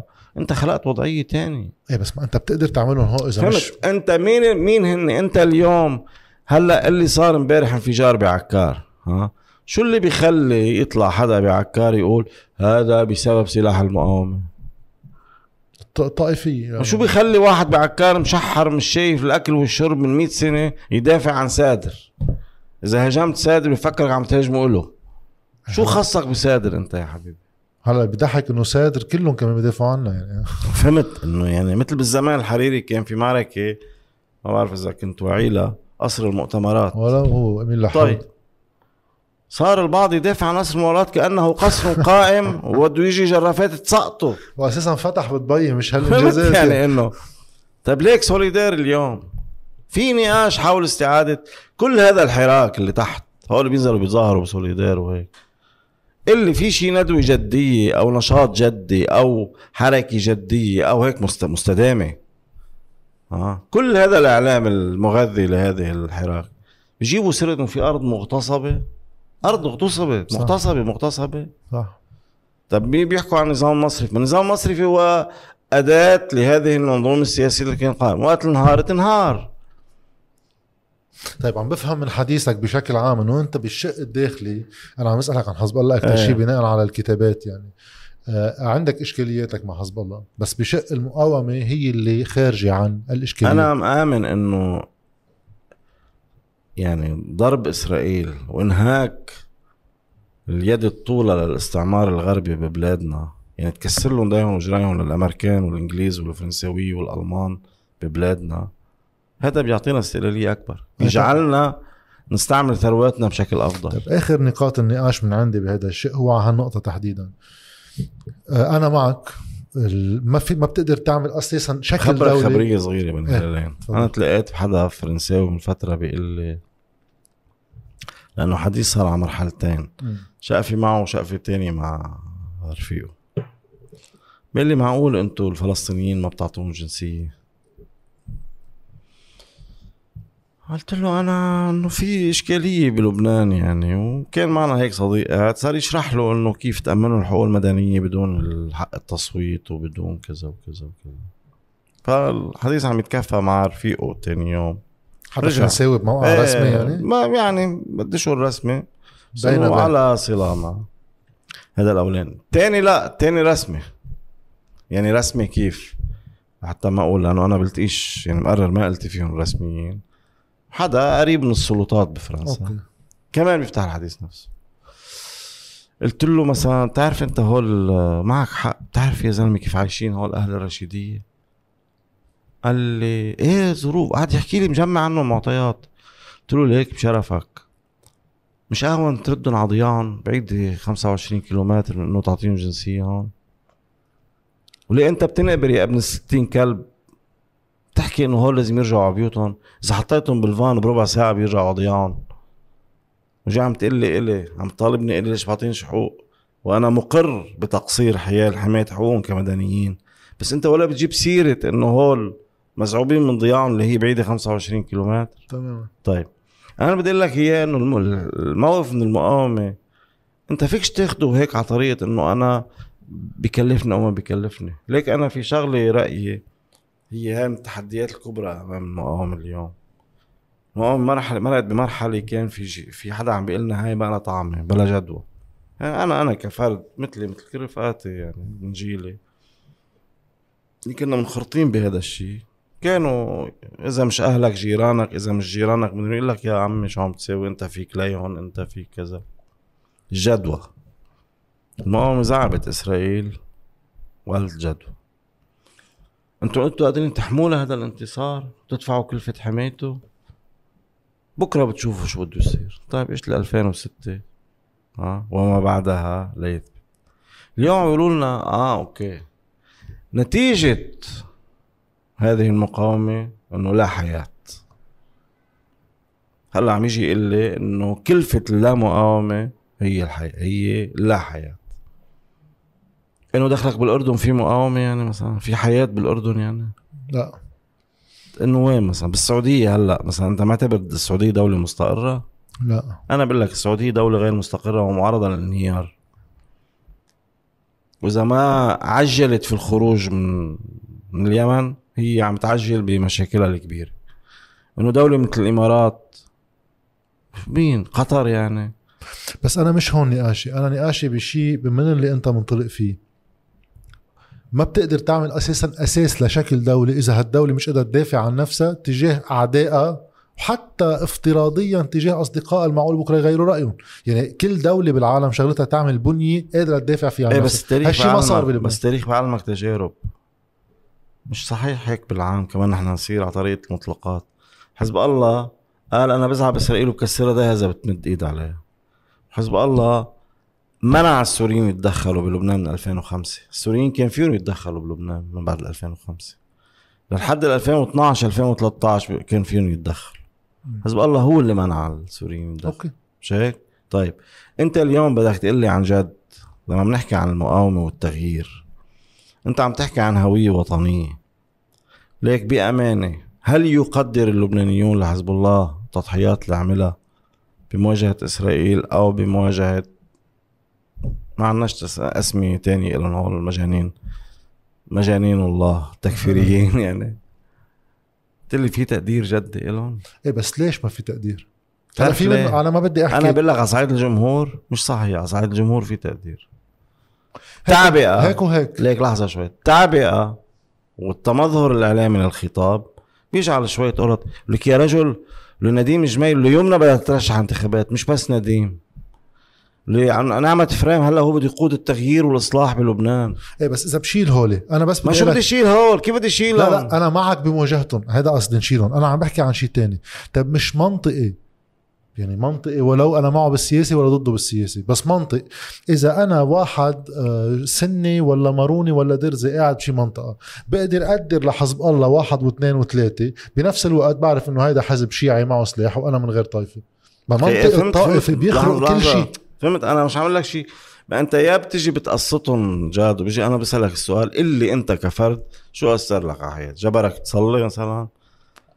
لا بس ما هو لا كل خليني خليني أعمل لك في في الوهم؟ في لك فهمت؟ أنا في اعمل هاللعبه الكيدية.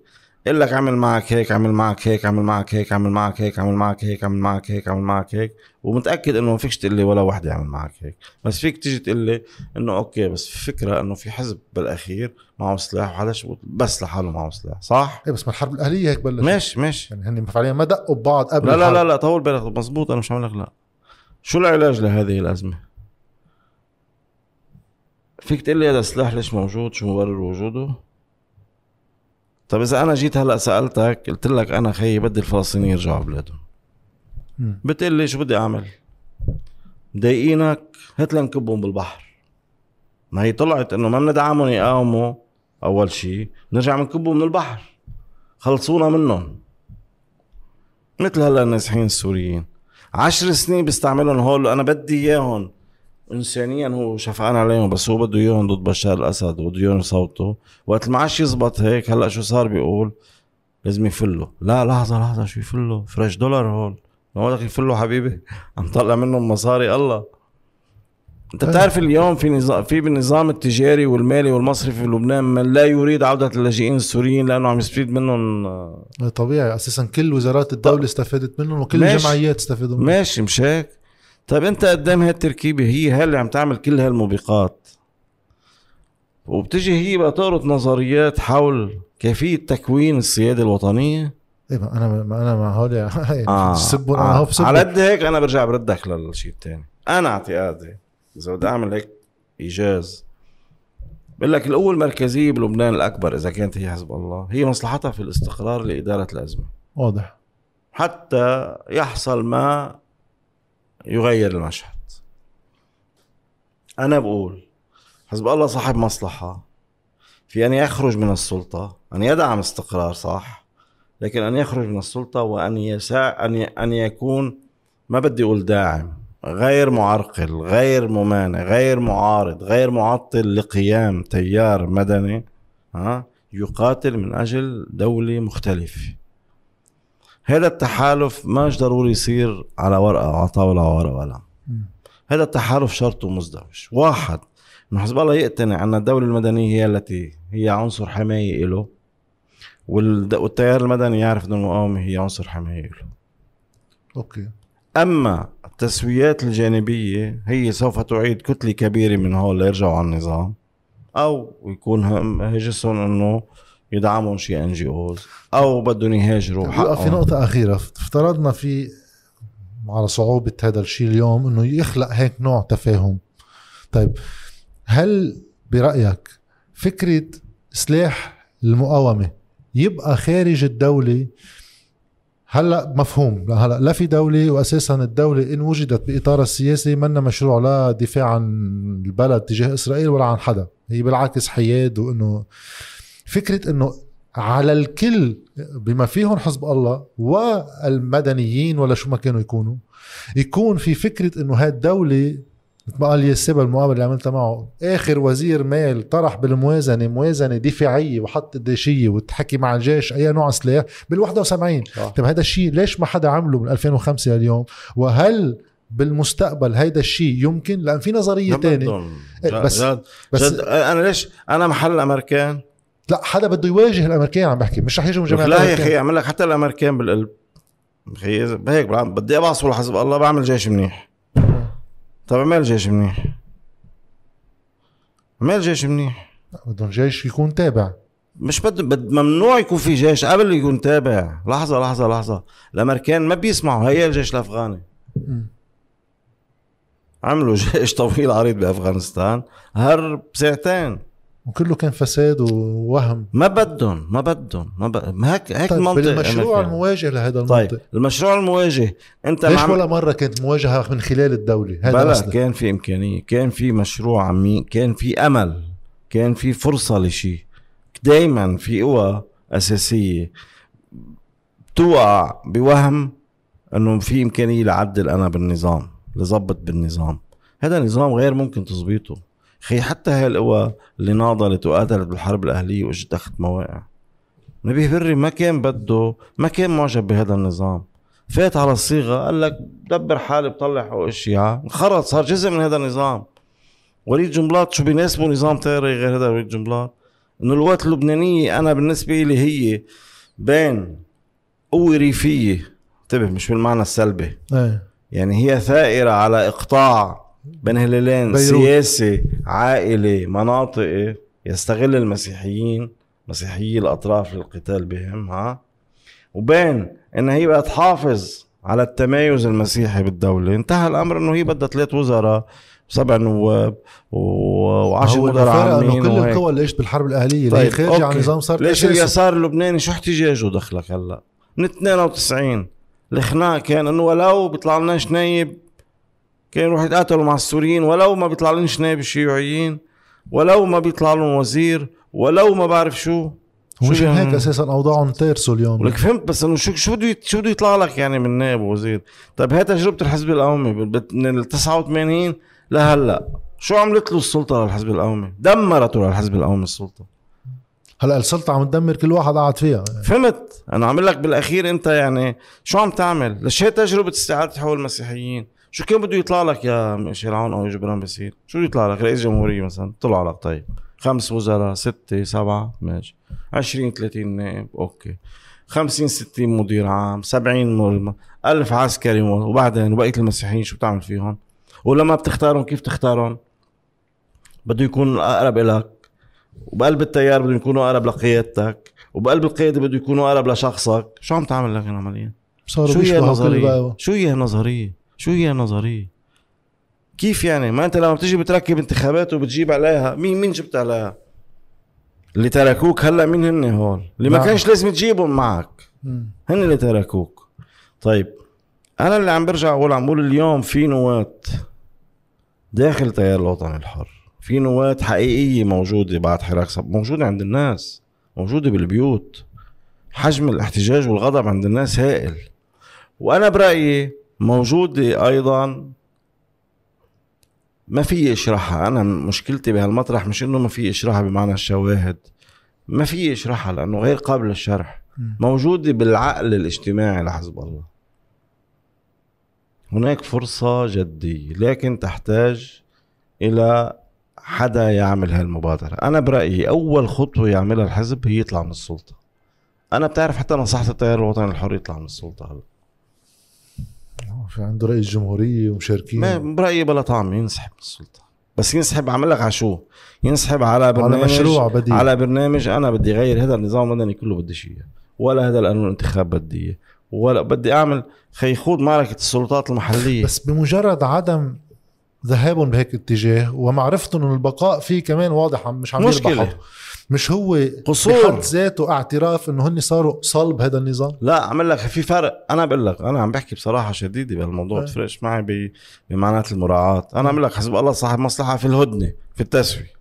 اللي هو الثاني صاحب مصلحة بعودة الانتظام الأمور. بس ما كنت عم تحكي إنه بري ما كان بده نظام بس بصير جزء منه مع الوقت. فهمت؟ لا أنا بقول لك هلأ جبران باسيل أو ميشيل عون بهالصيغة. نجيب ميقاتي أو سعد الحريري نبيه بري أو وليد جنبلاط سليمان فرنجية أو مدري مين أو هول بدهم إذا بترجع بتمشي الحال ما عنا مشكل. إيه. نرجع ندبرها ومنظبطها. ومنظبط الأمور هيك. حزب الله بده من كل هالخبريه الهدوء.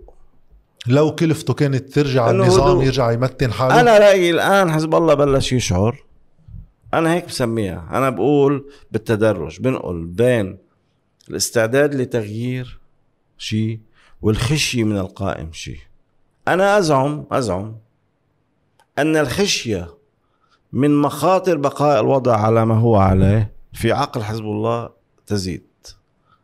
وعم بقول خشيه يعني خشيه على المقاومة. تزيد تزيد تزيد تزيد تزيد يوم أكثر من يوم.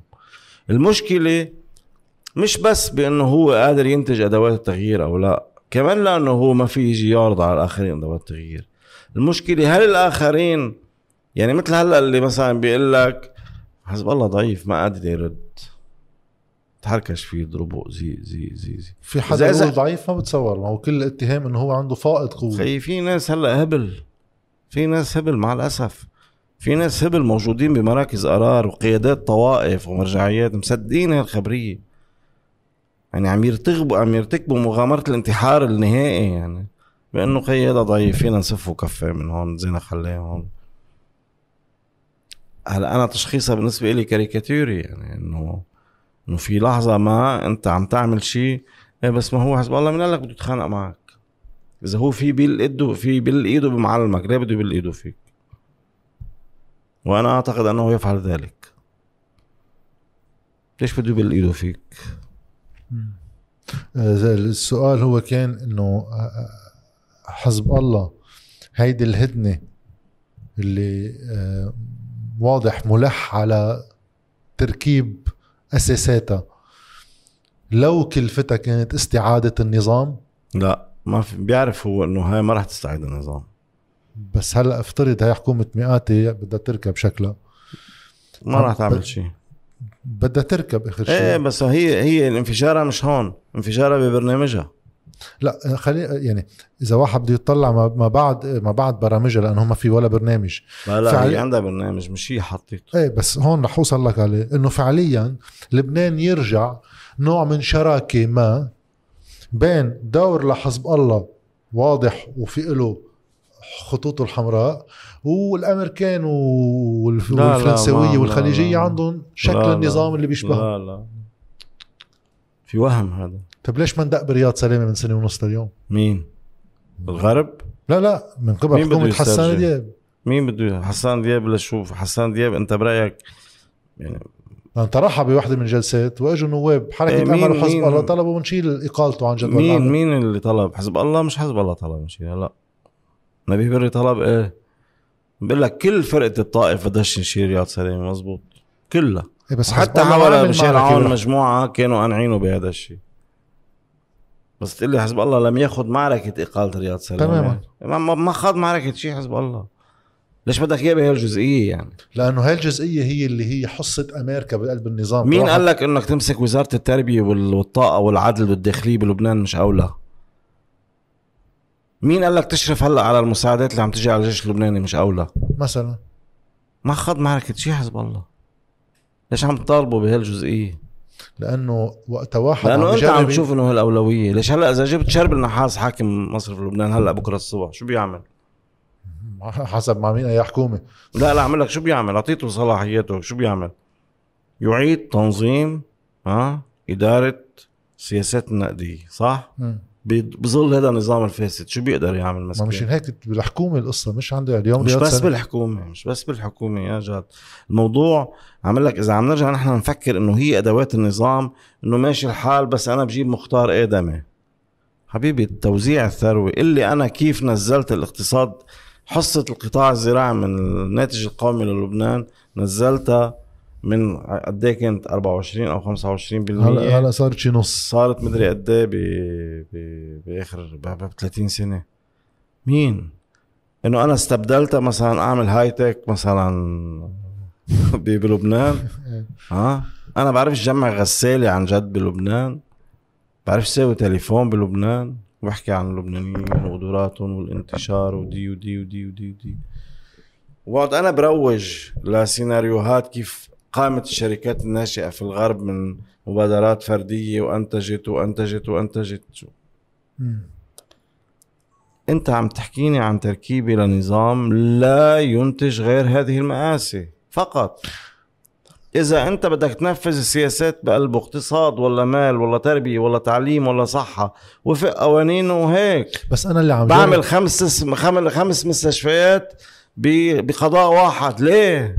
بس أنا اللي عم جرب أقوله الربط بين فكرة النظام وعلاقته بالخارج وأمريكا تحديدا وأداء محلي لصراع هذا الشيء في بيأثروا ببعض يعني اليوم كمان على قولة اليسابة بالمقابلة اللي عملناها معه إنه إذا واحد بده فعليا يواجه الخارج طيب في صندوق نقد اللي هو بقلبه في سطوة أمريكية مباشرة طبعا بيصير سياساته أشد أقل قسوة. أفضل. من اللي عم بيصير جوا. لا لا هلا بلبنان أفضل. نقعد سنة ونص. منبذل لنا 15 مليار دولار اليوم مثل الشاطرين رح نروح على صندوق. النقد. حتى لو من سنة ونص كان يمكن عندنا أنا سؤالي. أنا سؤالي لك بالقلب.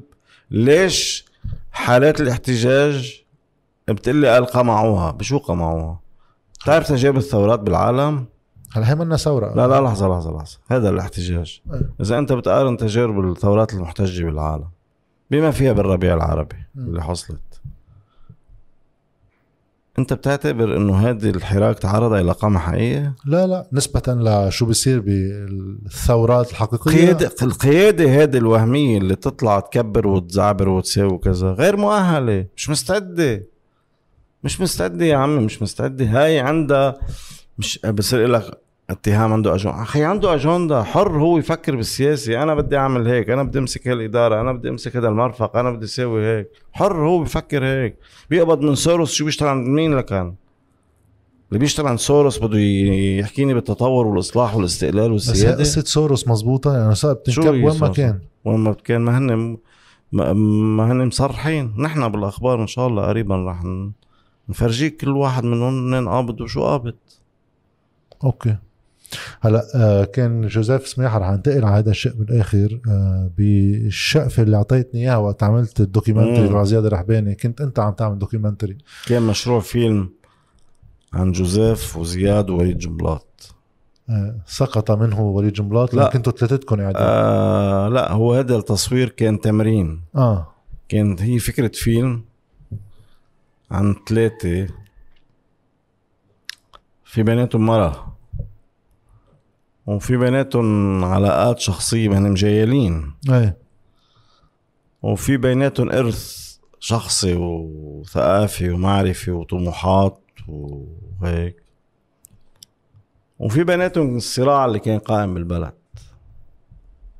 هيدا عم تحكي بال 2003 كنت عم تصوره يمكن؟ إيه قبل حرب العراق. إيه اثنين ثلاثة يعني. آه.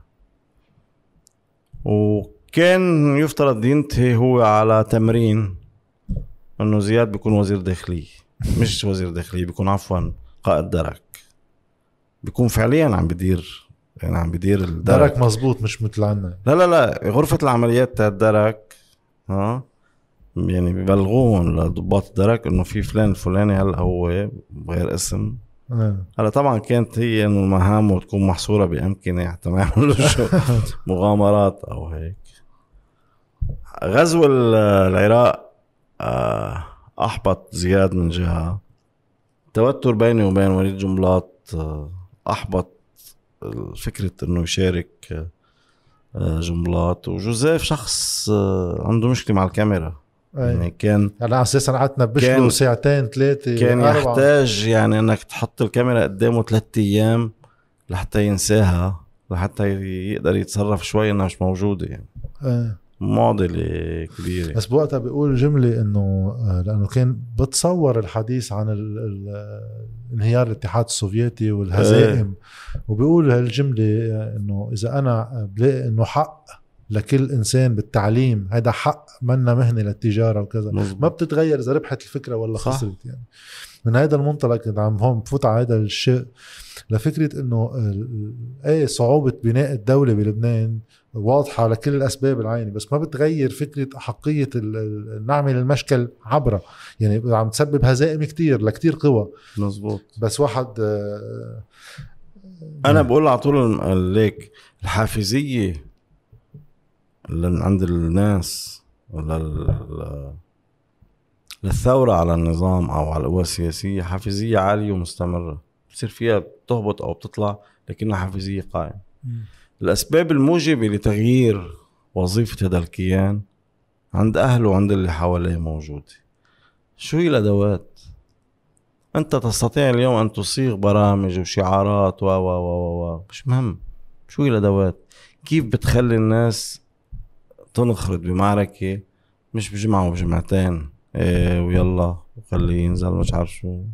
إيه بس ما بتلاقي إنه عم تصعب مع الوقت هالأدوات نتيجة تطور كتير قصص منها إنه اليوم افترض أفضل. أفضل فكرة لمعارضة ما حتى تنظيميا موجودة طيب في اعلام ب... في مال خليني اقطعك تواجه. خليني خليني محل. اقطعك خليني اقطعك لا يمكن لثورة تستقل وعندها مرحبا مع أمريكا أو فرنسا وبريطانيا مرحبا مرحبا أوكي إذا لم يطرد السفير الأمريكي والفرنسي والبريطاني والألماني ينزعبوا من هون. بس انت برأيك من هيدا الحراك اللي صار عمل لك عمل لك هول إذا فيها فريقين؟ لا. في فريق اللي هيك وفريق المعارض لهذا الفريق ما شفته دلني عليه الفريق المعارض ما يخبرني بالاوض إيه بس ما انت سميتهم بالجريدة كمان بهذا المقال هلأ سميت البعض منهم لأنه بتصور في أكثر من هيك بس سميت الحزب الشيوعي أسامة سعد إيه، مواطنون إيه، ومواطنات إيه. ويمكن بعد في طرف رابع. لا هول هول أساسيين. أنا بعتقد إنه هول آه، أنا بالنسبة لي هول مش عملاء الاستعمار. أوكي بس أوه. هل تم التصرف معهم باختلاف عن المشهد العام. من, مين قبل مين؟ من قبل الكل. من قبل السلطة. مثلا من من قبل مين؟ السلطة؟ إيه. السلطة بالنسبة لها هو الخصوم الاساسيين إيه لا عم بحكي من جهة السلطة اللي هو منا بالمحور الثاني يعني لا لا أنا أنا التيار أنا عامل لهم أنا عم لا. اسمع اسمع شو أنا عامل لهم أنتم أعداء حقيقيين للسلطة. أنتم الأعداء الحقيقيين يفترض للسلطة من هذه المجموعات الموجودة تحت. أنتم قديش حجم احتجاجكم؟ تقليش هاي أساليب تكتيك وعم تعزلني وبدي أتحالف مع هذا المتضرر. أنت عم تحالف مع السلطة نفسها مع الفرع اللي بالشارع فرع السلطة بالشارع. كل هاي المجموعات اللي عندها هاي التمويل واللي عندها هاي الإمكانيات واللي عندها هذا الإعلام هي أدوات للسلطة. كيف ما بيمشي الحال؟ كيف أنا بدي أطلع على LBC اللي هي من القوات اللبنانية والامريكان والإسرائيلية لرستم غزالي لامين لحود لفيلتمان لا السعوديه ها؟ ونفس الشيء هوليك الباقيين وإنه هول بده يقود تغيير. كيف؟ طيب بس إذا واحد عم بيصنف التلفزيونات هيك أكيد ما راح يطلع ولا محل. بتصنف الأحزاب هيك ما بيتحالفوا مع حدا فبتصير القصة لا ما أنا عم أقول إذا هن عم يعملوا تجربة مختلفة أي. ها؟ إذا أنا بدي إذا أنا ضد هذا النظام إذا أنا عم بطلع أقول بدي غير النظام ما ب- ما بكنش ما بكلش بمكيالين. مش بتفاهم مع هذا وهذا بخانقه لأنه هذا قال لي أنا معك وإذا قال لك أنا معك. بس مثلا مثل إذا إذا الكتلة الوطنية وحزب الكتائب والقوات اللبنانية قالوا معك أنت بتكون فعلا هول بدهم يعملوا تغيير يعني؟ ما حركة امل فيها تقول لك أنا معك. ليش حركة امل قالت ضد؟ كل بيانات حركة تد- تدعو إلى دعم وتحقيق العدالة الاجتماعية. لا، ليش بس- وليد جنبلاط لحظة شوي ليش وليد جنبلاط آه ضدك هو بس خليك تعمل تحرك بس بالجبهه لحظة أي تحالف مش هو تحالف بين مختلفين المفروض يكون؟ يعني اليوم. حتى لا، التيار لا، لا، انتبه، تحالف مع حزب الله. عملوا ورقة. تحالف من أجل ماذا؟ إيه، من من أجل إذا ماذا؟ أنا إذا أنا عم أقول رايح غير النظام. شيء وإذا أنا رايح عم أقول بدي أحسن بأداء السلطة شيء ثاني حزب الله بده يحسن بأداء السلطة. حزب الله لا يزعم انه بده يقلب النظام عم يدعي لإدارة الأزمة ولهدنة ولتحسين الأداء. رحت حلف أنت وياه قال له ليك تعال أقول لك أنا ما بدي أقلب الدنيا فوقاني وتحتاني ما بدي كسر هون وهون بدي أحسن شوي. يمكن يعمل معك ديل وينزل معك ويعمل تحسين. يفرض التحسين. أنت عم تقول بدك تغير النظام. أنت رفعت شعارات من نوع إسقاط النظام. مم. فلوا رحلوا مين رحلوا؟ لو مين رحلوا؟ إيه بس مثلا شربل طارح التفاوض مع اللي بالسلطة مش تفاوض على أي قاعدة؟ على قاعدة تغيير شو موازين القوى؟ شو موازين القوى؟ إيه، ما في موازين قوى إيه شو يعني شو عم نعمل كاريكاتير نحن؟ لا ما هو أساسا بده يبني لحظة شو ليك لو في لحظه موازين قوى بفاوضهم بكسر لا لا. لا طول بالك ما أنا بدي أفترض لا أنا لو أنا لو قوي بفاوض آه. ببلد مثل لبنان أنا قد ما كنت قوي بفاوض لأنه أنت فيكش تشلح حالك كل قهر جربناه بكل المناطق هي المسيحيين إجوا السوريين شكلوا لهم صورة من ال 2000 وخ... من ال 90 لل 2005 بخمس دقائق قلبت الصورة كلياتها. كيف الحكي؟ أنا بعمل تفاوض. كنت قوي كتير ولا كنت ضعيف. أنا عم أقول موازين القوى. أنت قديش حيثيتك الفعلية؟ مين حلفائك بالتفاوض؟ إذا حط حزب الله بالسلطة قلت لي هو حط حاله بالسلطة؟ لا هو مش حاط حاله بالسلطة. مش صحيح. حسن نصر الله لما قال للناس طلعوا من الشارع مش كان مش كان خايفين على ميشيل عون ونبيه بري وسعد الحريري وهول. كان خايفين على المقاومة وكان خايفين على الوحدة الوطنية. هذا اللي قلقه طيب وبتحقيق المرفأ. هذا الموقف اللي هالقد صدامي بوقت الطارق أنا بتسمح لي بتسمح لي أقول لك شيء أنا أزعم ويمكن يكون فيها مسؤولية قانونيه أنا بعرف كل تفاصيل تحقيق المرفأ. إلى درجة مملة. مم. وبقول لك القاضي أنا ما بتهموش إلا إنه مسكين. مسكين. okay. وهذا التحقيق لن يقود إلى شيء. okay.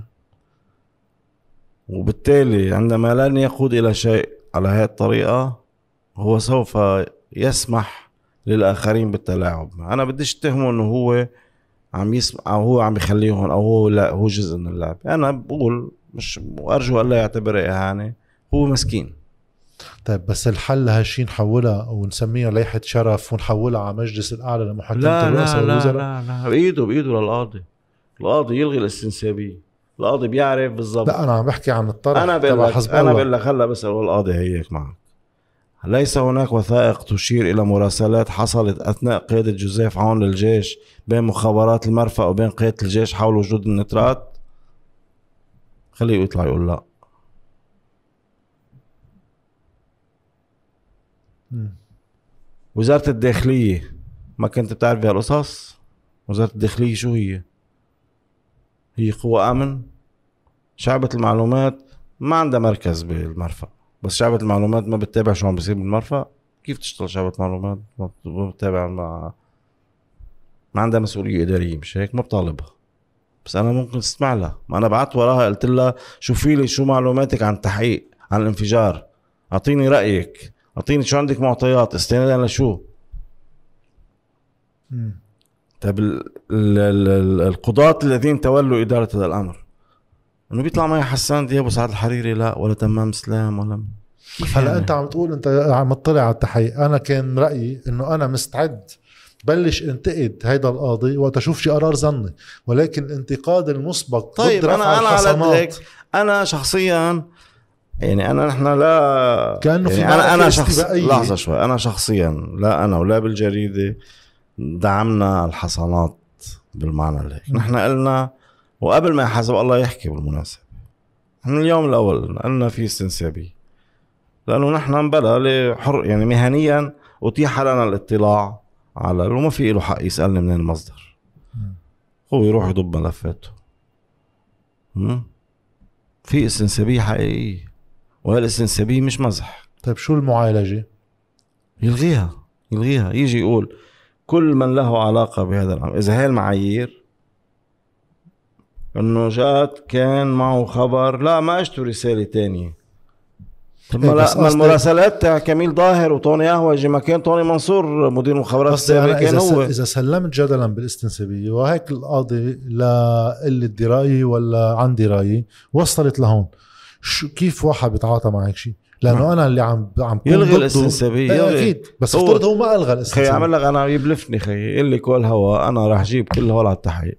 أوكي. بس إذا ما عمل هيك هل بس الحل بس ما عمل هيك أنا طول بالك طول لا لا لا لا لا لا لا لا أعوذ بالله. شو المجلس الأعلى التافه؟ أنا بس يكون دغري ببالي شغله عمرها 10 سنين المحكمة الحريري. مش شغله عمرها 100 سنة. أنا شخصيا بعرفها المحكمة شو عملت. يعني في آه، حجم الظلم اللي ارتكب حجم السرقة حجم الاستغلال اللي عملوه باسم البحث عن قتلة رفيق الحريري واللي ما وصلوا لهم بالأخير. ها آه، ما أنا مش قبلان يرجع يكرر الجيم نفسه. هو كل تأخير اللي موضوع شركات التأمين يا خي بس هذا مش دليل إضافي إنه هذا النظام عم بيدعى لا بتقدر قضاء تشغله من دون حدا يتفق بلا عليه. بلا ما أنا قلت لك قلت لك هذا نظام بيسواش بس عم لك اللي بده يدعي إلى تغييره. إذا ما عنده جواب حول المسألة الوطنية شو بده يساوي بيساويه بدعم. طب ليك شو يعني أنت تروح تترجى الغرب يحط عقوبات؟ شو يعني؟ دخيلك عاقبه لجاد غصن. شو يعني إذا عاقبوا لجاد غصن؟ شو يعني؟ شو بيأثر عليه يعني؟ هو بأي نية عم اللي هذا هذا الأمريكان عاقبوا جبران باسيل. شو اثروا على جبران باسيل؟ لا واساسا يسالوا بعض الأمريكان قالوا بدهم يفرجوا شو المستندات اللي عندهم. ما بيفرجوا ما بيفرجوا. والإضافة لهيك أساسا أنا رأيي الشخصي إنه هذا النظام السياسي لولا هالدعم الخارجي كان سقط قبل العكس يعني. ما هو ابنه. باريس واحد وباريس اثنين وباريس ما هو ثلاثة. ابنه ما هو ابنه. أنت تخيل واحد مثل ماكرون هو بيمثل أبشع صور الليبرالية الرأسمالية المالية بالعالم. هو أبشع صورها. جاي يعطينا درس كيف يعملوا الدول. انت هول الصور يا زلمة هول هول هول القيادات اللي بيطلعوا بيحكوا والأحزاب واللي بيشوفونا فرنساوي حدا يشرح لنا يا أخي شو بكوا فيه لجورج عبد الله؟ ليه مخليينه عندكم بالحبس؟ لأنه بتعرف جوابه الرسمي شو هو؟ أنا قالوا لي إياه ضباط المخابرات الفرنسية الي ضباط المخابرات الخارجية. إسرائيل منعتنا مش أمريكا. وهذا على فكرة بقلب فرنسا هو مخالف للقانون إبقاء الحجر لك يا زلمة ميشيل عون بعث له رسالة سألوني ما هي الأسباب القانونية للبقاء احتجازه؟ شو جوابه خليه يعمل رسالة ندم واعتذار. أخي من حبسته وعاقبته. والله أنا بيجي واحد بيقول لجاد ليك إذا بتعتذر منه لجارك ما بحبسك. لا بدي أحبسك وسوي فيك ونزل. ومين؟ واحد بيسترجيش آه ليك أنا اللي بدي أقوله بس بهالنقطة. تغييب المسألة الهوية الوطنية يعني موضوع الصراع مع أمريكا وإسرائيل عن الصراع الداخلي برأيي تضييع وقت. وراح يخلي الأزمة 20 و30 و50 سنة وجير ولا جير أنا معك تماما. أنا إذا بدك نعم. تحفظي إنه الثاني ما يلي في تغييب للعامل طول بالك. أوكي طول بالك. عمول حد هاي. كل القوى اللبنانية عندها خلفية دينية ولا طائفية ولا شو ما كان. إذا ما فهمت لأنها أقليات. ما هو شو؟ فائدة الفائدة الوحيدة للطائفية بلبنان شو هي؟ هي منع ديكتاتورية. لا لا يجرؤ أحد على ادعاء إنه في يحكم البلد يعمل انقلاب. صح. الذي يستطيع أن يفعل ذلك هو مش طائف. هو اللي بيسمح بإقامة دولة جدية. هذه الأقليات سواء كانت أقليات دينية أو سياسية أو اجتماعية أو فكرية يعني حزب الله والله مسيحي والله شيوعي والله جاي والله شو ما كان هول مصلحتهم بالدولة المدنية. الدولة المدنية هي ملاذهم وغير هيك هن ما فيهم يعملوا شيء هن بس تعب تعب تعب تعب. كل عشر سنين تعب كل عشر سنين تعب. وفوق ذلك كل عشر سنين انت عم تعيط لبرا. أو عم يجي برا. يعني أنت عم تعزمه اياه هو عم يجي عم بلاقي في طاولة مفتوحة عم يقعد بيلعب معك ومستعد يخرب. وفي شيء أهم من هيك هو اللبنانيين مش منتبهين له إنه التميز اللي كان عندهم إياهم عن جوارهم أو عن محيطهم بطل موجود. عن مين عم تحكي؟ لكن اللبنانيين كانوا انه أنا اللبناني بأوروبا أو بأمريكا آه، إيه، غير مدري شو. لك يا حبيبي انت كل هول الامتيازات اللي كانوا يفكروا عنا إياها بلبنان. انت هذا العالم الجديد اللي فيه التكنولوجيا. بتخلي عشر هنود يديروا مؤسسة فيها أربعة ملايين بني آدم بنص دين أمريكا. يعني إنه مربح ربك جميلة على شو أنت. إنه إنه شوية رواق بس هي قصدي. أنا بدي أنتقل لاختم بشغلتين كنا حكينا عن جيف سماحه بشق الوثائقي. هاي بتعرف على آه، علاقتك بميشيل بجوزيف سماحه اي متى تعرفت عليه؟ وكيف وصلت هيدي المعرفة ل تعملوا الجريدة سوا سنة هلا 2005 جوزيف أنا ستة. بعرفه طبعا يعني ب... بعرفه كصحفي. يعني أنا وقت الفت على المهنة وانخرطت فيها كان جوزيف بباريس. بس جوزيف اسم معروف يعني. وقت جيت على السفير ب 92 أنا بلشت بالنداء بالحزب الشيوعي. إيه. 92 سكرت النداء جيت على جريدة السفير. وكان جوزيف بلش يستقر البلد وعمل عودته الأولى بعد منها بسنوات. قرر يرجع على البلد وجاء آه، استلم آه، منصب رئيسي بجريدة السفير. بعد منها رجع ترك راح على الحياة بعدين رجع آه على السفير وبعدين عملنا الأخبار وتوفى. من يوم من الرحلة الأولى تبعه لجوزيف آه آه، نشأت علاقة شخصية. يعني هو أكبر مني بس آه، جوزيف شخص يجيد الاستقطاب. يعني شخص جوزيف قد حزب يعني بقدرته على الاست- الاستقطاب. وجوزيف مخزون معرفي مخيف هائل. وبيستطيع يجاوبك أو يساعدك بالحصول على أجوبة على مسائل من الاستراتيجيا العسكرية للمي للفوتبول للأكل للموسيقى للمسرح للسينما للأدب لا لا لا لا وزيد على كل هول إنه صحافي بارع. مم. يعني أنا هيكل الله يرحمه كان يقول يمكن جوزيف هو أفضل كاتب عمود. إنه في صحافي كل يوم بيكتب عمود كل يوم بيضيف شيء وبأسلوب آه خاص. ف يعني هو شخص آه في شقفة إضافية أنا بعتبرها شخصية هي إنه المنشأ الاجتماعي لجوزيف بيشبه. يعني البيت ال- طبعا هو عرام لا عاش ظروف أصعب من اللي عشناه نحن يعني.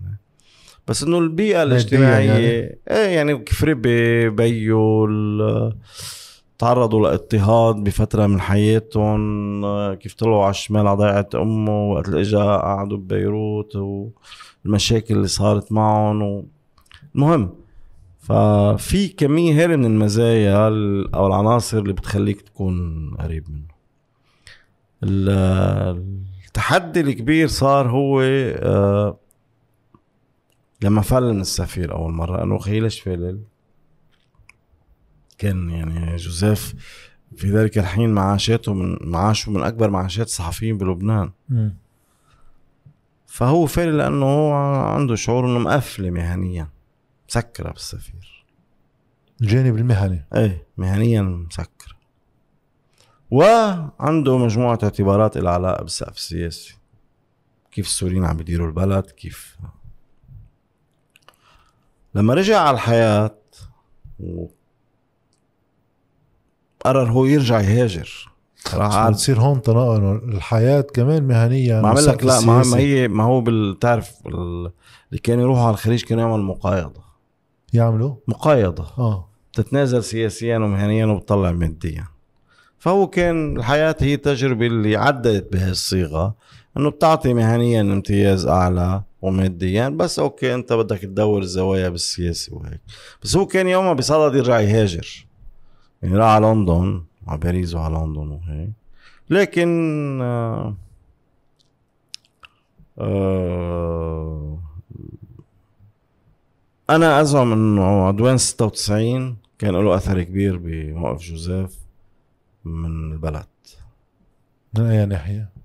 آه، جوزيف آه، صمود المقاومة ب 96 آه، كان له كتير أثر كبير على وعيه لفكرة أنه المقاومة قد تستطيع أن تنجح في إنجاز شيء ضخم. طبعا كان عم بيشوف الشقف الثاني منه أنه هذا لازم يربط بتغيير بلبنان ولذلك أصلا موقفه من موضوع المقاومة وهيك صار أكثر يعني هيك في تحدي. وهذا كان شيء غير ممكن بالحياة. هلا طبعا المحاولات المهنية رجع على الحياة وبعدين كانت الصيغة بأنه بيجي على السفير وأنه آه، أستاذ طلال آه، بده يفتح باب أمام تغيير جذري بالسفير تمهيدا لإدارتها بطريقة مختلفة بما في ذلك معالجة من يدير يعني حتى على صعيد ال family business يعني. وقبل جوزيف بهذه المهمة على هالأساس بالعودة. اجى عمل رئيس تحرير كان أول مرة بيعمل رئيس تحرير. اجى بصلاحيات يفترض نظريا واسعة على صعيد تركيبة الفريق على صعيد تبويب الجريدة وأجا بصلاحيات على صعيد استقطاب كادرات ومناخات جديدة. لكن هذا الشيء ما صار. حدث التحرير بالألفين وبداية المعركة على الوجود السوري بلبنان الصراع اللي نشأ وقت اللي اجى إيميل لحود رئيس جمهورية. التعقيدات اللي نشأت بالبلد عقدت المهمة. وكان في مبين في block. كان كل الصحافة اللبنانية أمام block. الموقف السياسي يعني. إيه إيه, إيه block block. يعني آه جرايد مسيطر عليها رفيق الحريري بطريقة مباشرة وغير مباشرة. فيها بعض حالات التمرد. جرايد مسيطرين عليها السوريين بطريقة غير مباشرة وغير مباشرة. في بعض حالات التمرد. م. فما كان في إمكانية لشيء. صارت تتفاقم الأزمة أكثر حرب العراق حطت التحدي الأكبر إنه نحن أمام تحولات أخرى وكبيرة بالمنطقة ضخم. تحتاج إلى وجهة بالسياسة غير وبالمهنة غير. كانت آخر محاولة لما اسماه جوزيف مشروع التطوير المهني بالجريدة. وقت ل 2005 كتب هو عن محاولة نقل لبنان من ضفة إلى ضفة. كان أول صدام فعلي سياسي مهني مع السفير. يوم سنة؟ بال 2005 يوم ما كانت صارت مشاكلنا تزيد أكثر المهنية و... والسياسية كان مشروع الحديث عن شيء بديل قديم. يعني هو جوزيف تبع المشاريع ال... يعني بخلاف الشائع هو مثلا بيقول لي تعال نعمل شيء فصلي. انه بتقعد على مهلك بتمخمخ بتكتب. مش شهري أو أسبوعي فصلي. مش تفكير تجاري. إيه. آه التصور جوزيف عن الجريدة تصور موجود من 98 يعني الأفكار اللي لها علاقة به الصحافة الجديدة من 98 كان هو يقول الصدأ الذي أصاب الصحافة اللبنانية. أه؟ إنه ما بتحفه. بدك تعمل شيء يعني هو عنده تعابير قاسية الله يرحمه. إنه هناك من مات وقد حان وقت دفنه. يعني أنت يا عم تعلن عن إنه مات إنه ما عندش خبر أهله إنه ميت تطلع بتقول مات وبده يدفنه. وهذا التحدي الأساسي له كان بفكرة الأخبار. هلأ الذي أتيح للأخبار في في ذلك في تلك اللحظة هي إنه انخلق مناخ سياسي بلبنان. يعني بين خروج سوريا من لبنان وموجة استغلال قتل رفيق الحريري ثم حرب 2006 عملت أرضية سمحت بأنه الأخبار تقوم سياسيا ومهنيا. وهذا كان شيء آه، مش سهل. هلأ أنا بقول لك في كتير مسائل سوتها الأخبار ضلت تساويها. أنه هاي نظرية بتقول أنت في مسائل جوزيف كاتبها وفي مسائل بتقول هيك كان بيعالجها جوزيف أو هيك كان بيتصرف. لكن هي التجربة أنا بعتقد وصلت على مرحلة هلأ مختلفة. يعني نحن أمام تحدي من نوع آخر يعني. بس السؤال قبل ما نوصل لهيدا آه هو أي سنة توفى جوزيف سميث 2007 2007 آه المرحلة تبع بداية جريدة لأنه هي السؤال اليوم كل الإعلام بالبلد كيف يمول؟ يعني أنا اليوم إذا بفكر أطلع بجريدة هلا بنحكي باليوم اليوم صارت الجريدة قصتها أصعب بعد يعني مع قلة القراءة وغياب الإعلانات بتصور بالبلد. بوقتها البحث عن تمويل ما بده يكون كمان له جانب سياسي؟ طبعا. طبعا طبعا كيف بيتعالج السقف السياسي مع هيك شغله أول شيء أنت فيكش تعمل مشروع مع آه... ليك في فكرة أولى الناس ما بتعرفها مش ما بتعرفها بتتجاهلها بسبب إنه كيف كان يدار الإعلام بلبنان. كثير من أصحاب وسائل الإعلام بلبنان كانوا يوهموا اللبنانيين ويوهموا الناس إنه الإعلام بيخسر. هلا هالتضييق الجنائي. لو بيصير بيشمل وسائل الاعلام بتبين إنه ما بيخسر. عم تحكي من الإعلانات ما بيخسر. من العائدات التجارية. إيه. اللي هي بالجرايد مثلا هي مبيع وإعلانات. وإعلانات. طيب. أنت في قوى سياسية صاحبة مصلحة. في أفراد. في جهات. يعني بالمعنى تجمعات ثقافيه أو هيك. وفي بيئة صاحبة مصلحة بي. يعني إذا أنت بتيجي جاد غصن بجيب لك 4 ملايين دولار تعمل أو 5 ملايين تعمل شيء لمطرح ما بده شيء حدا. شو له قيمة؟ صح. طب أنا كيف نحن قدرنا بين 2008 2009 و2016 17 نعمل نرفع مستوى العائدات وننزل العجز إلى مستويات الدنيا؟ لأنه فرضنا على رغم كل الحملة اللي انعملت علينا بهذا النظام هول عصابة إبسوس وشويري جروب وكل ملحقاتهم. شو كان الفكرة تبعهم؟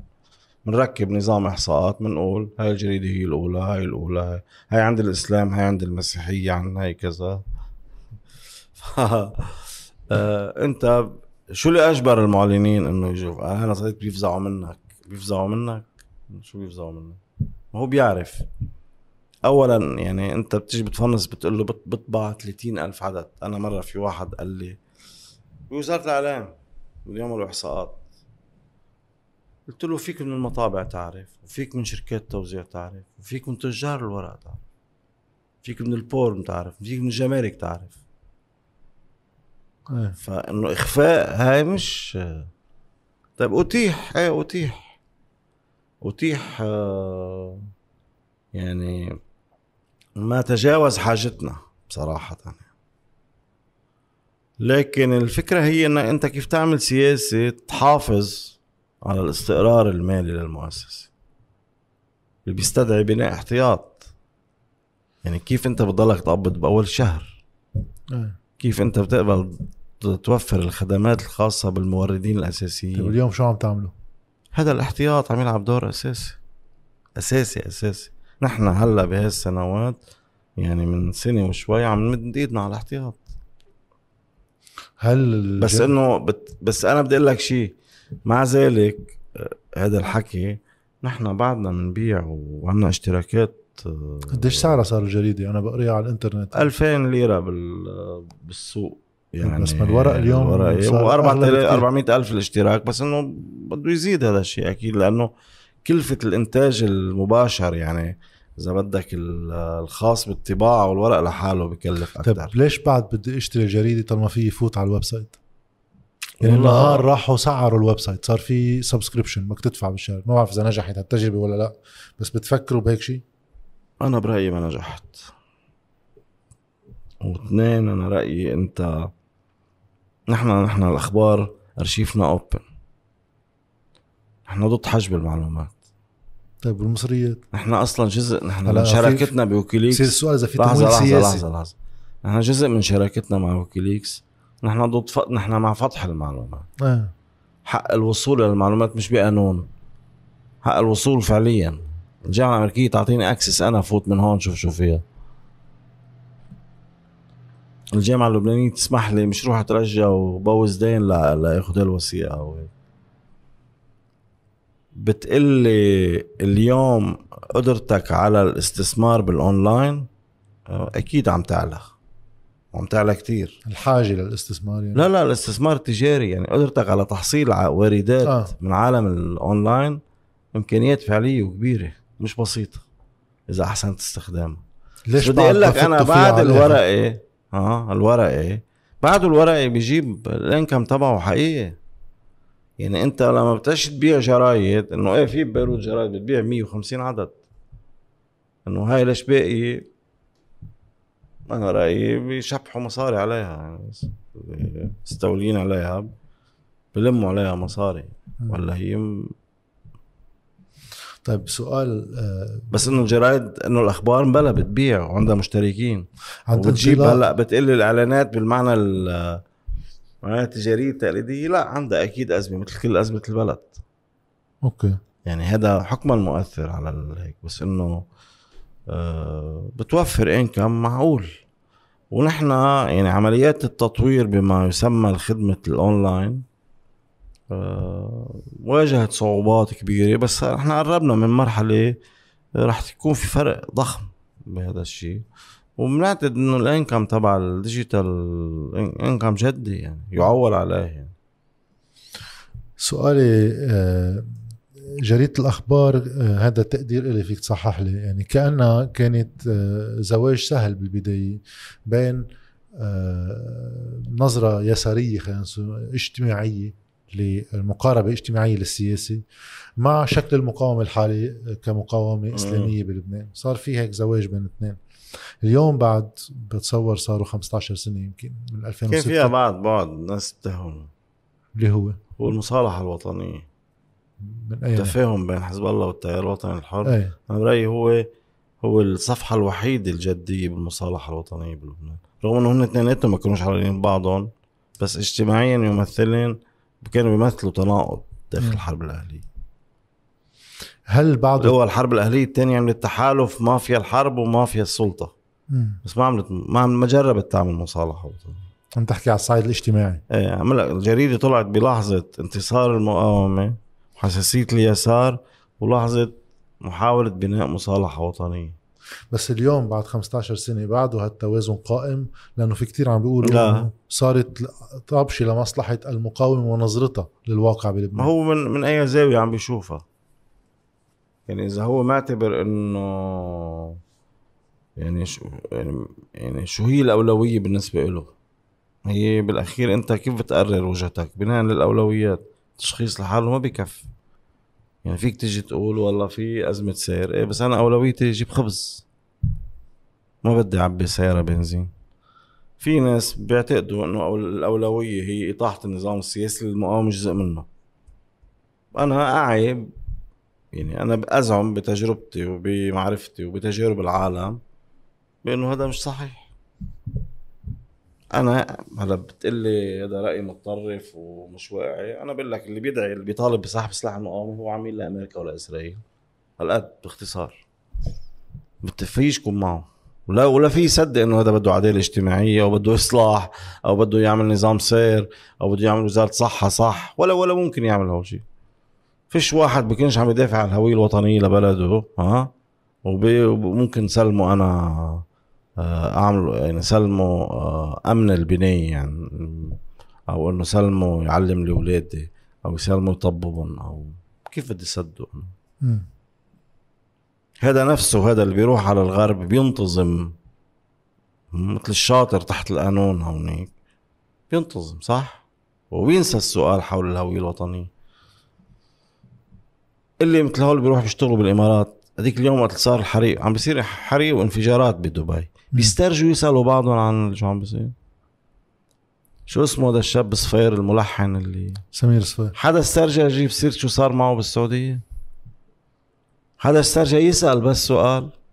وهذا وليد البخاري قاعد بينظم شعر لغسان كنفاني وبيجيبوا مثل الصيصان على خيمة مش عارف شو وكذا قلت لي هول بدي سلمهم بلد أنا وبعدين بيقرطوا نظريات حول إيه بس المقاومة عم لاحظ دائما وقتها آه، يعني أنا في عندي آه، إشكاليات بالسياسة المحلية لحزب الله آه، من دون ما اكون جزء من هوليك. صح. أنا ما أنا عم طلع التميز. أعلن ذلك؟ اظهر تميزك. ها وطلع فقر له اللي بدك بشي بعينه لحزب الله. لا لا أنا أنا معك بس في واحد بس عندما لا اجره في واحد أنا يطالب حزب الله هيك إيه؟ إيه؟ أنت متميز طيب أظهر تميزك بالسياسة المحلية عن عن نجيب ما أنا عم لا انتبه انتبه انتبه انتبه انتبه. انتبه انتبه أنا أنا لا أنا أنا ما بدي من حزب الله يخوض معارك بالداخل أنا عامل لك شو إيه مطالبه أنت قلت نظرتك إنه يطلع أنا يطلع. من السلطة أنا بدي إياه مقاومة ويحمي البلد ويكفي وبدي إياه يساعد الفلسطينيين بتحرير أرضهم أنا بديش إياه يفوت. أنا كل اللي بدي إياه من هون ما ينقذ من تيار مدني مش ضد المقاومة. أنا عم فتش التانيين اللي هن بيعتبرين حالهم معفيين من الدفاع عن عن حدود البلد وعن هوية البلد الوطني. اللي هن بيعتبروا إنه كلياتنا قتلنا الأجانب. بيحكي هيك مثلا حكي. أنا عم بحكي عن هاي الناس اللي بتجي يعني بي- بي- بيجي مبعوث من ما بعرف من أي دولة ها؟ بيلمهم كلهم بنص ساعة على غدا أو على عشاء وبكونوا سعيدين ها؟ و- وبيعطوك نظرية بال- بالسيادة والوطنية. مم. وإذا عقدت معه وسكرت معه نقاش بيقول لك؟ بتعرف إحنا مش مثل بعضنا خلي كل واحد يعيش لحاله. أنا بدي بعد أسألك سؤال عن زياد الرحباني بما إنه في علاقة انت وياه وكمان برجع بشكرك على الفيديو اللي زودتنا فيه نعم. بوقتها آه، طبيعة علاقتك فيه. أي متى كمان بترجع؟ ما بعرف إذا قبل جوزيف زياد. من خلال جوزيف تعرفت آه من. خلال جوزيف. لا طبعا هلا زياد. يعني مثل مثل أي شاب يعني بيعرف زياد من وقت الخلق. أي. بس العلاقة المباشرة فيه من خلال جوزيف تعرفت عليه. و بقول لك شيء إنه في غالب الأحيان آه، زياد ريفيرانس مم. يعني أنا بالنسبة إلي آه، زياد ممكن يعمل إشارة هيك صغيرة سلبية على شغلة. أنا بالنسبة إلي بتستدعيني إنه اوقف واتطلع ودقق. وبقول لك يعني بربع قرن معه حق على طول معه حق تزبط هلا مش عم بقول إنه هو بتعرف هو حرام عنده زياد نكتة إنه مش بيقولوا له. شو شايف لنا؟ لا إنه برافو زبطت معك. قال له إنه هو هو بي بالنسبة لبكرة شو بعتقد بيستخدمها إنه خواجة أنطوان؟ بيقول له زبطت حساباتك بس خربت لي بيتي.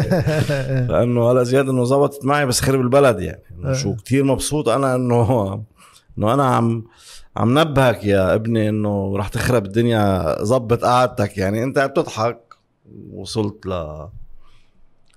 وفي نقطة تانية أهم من هيك زياد جديا بيعرف الناس. هذا شيء مش سهل. إي. مش سهل أبدا يعني. شلي هو هاي؟ هو العشرة بالمية من زياد. في في زياد التاني اللي هو عبقري مش بالنصوص عبقري بالموسيقى. الموسيقى. أقله غالبية الذين يعني بيعرفوا بعالم الموسيقى هون وبالمنطقة وبالعالم. آه أنا بعرف دول عريقة بهذا العالم عرضت على زياد إنها تستضيفه تستضيفه يعيش عندها يعني. مم. لأنه بهذا المطرح هو قصة قصة كبيرة. وزياد ظلم مثله مثل كل الناس المناح اللي ظلموا المجتمع وظلموا البلد وهيك. بس هو ما قبل يكون آه، واحد انتهازي يستغل آه، زياد ال- الحياة الشخصية تبعه ما بتتناسب مع إمكانية اللي ممكن يساويه يعني. مم. ابدا ابدا ابدا يعني. ودافع عن حاله وعن قناعته وعن طريقة حياته وعن وعن. هلأ في في عنده نظرته للأشخاص وللأفراد وللكذا و... وعنده انفعالاته اللي بتخليه يعني ينسحب وينزوي أو يغضب أو بس إنه يعني زياد من الأشياء القليلة الحلوة بهذا البلد يعني. شو هذا البلد؟ فيه بقلبه أربع خمس أشياء واحدة منهم زياد يعني. عم بتشوفه مؤخرا؟ قليل. وقت تشوفه سلمنا عليه. الله يسلمك.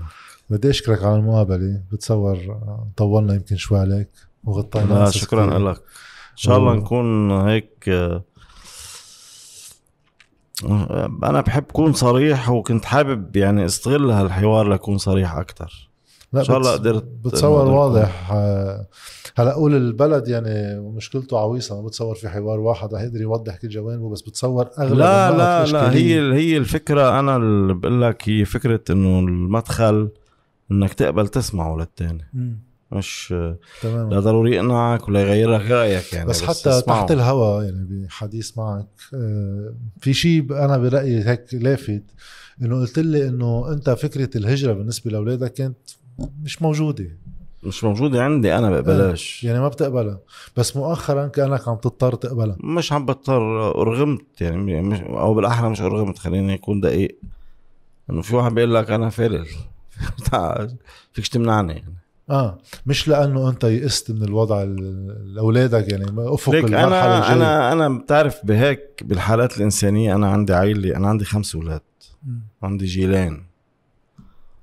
و... وما بحب مثل أي بي آه، إنه يعرض أولاده لتجارب قاسية. بقول أنا في قدر ما بدهم يتحملوا لأنه أنا بيهم. وفي اللحظه اللي هن يعني فيهم مش يقنعوني يشعروني بأنه أنا صرت عبء. إيه ما لي حق أنا أفرض عليهم خيارات. هذا الشيء أنا ما اقتنع فيه.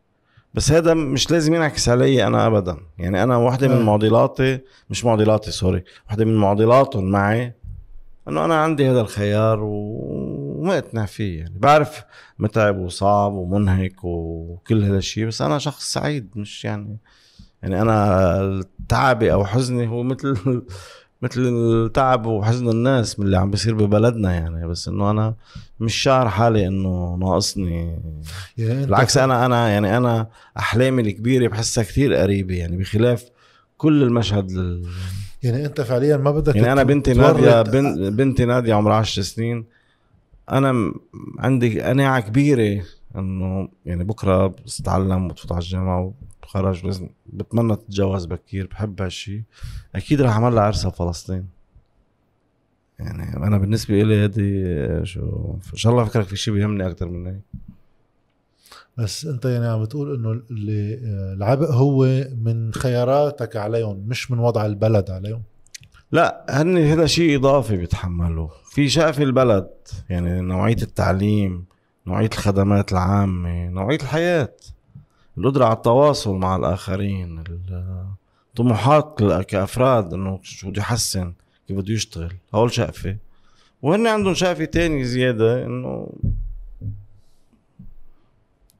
أنا تحملهم حدا من أولادي بيقول لي أنا ما بدي حدا يحبني كرمالك بس كمان ما بدي حدا يسبني كرمالك. ممنونة كثير على المقابلة شكراً. شكرا شكراً. لك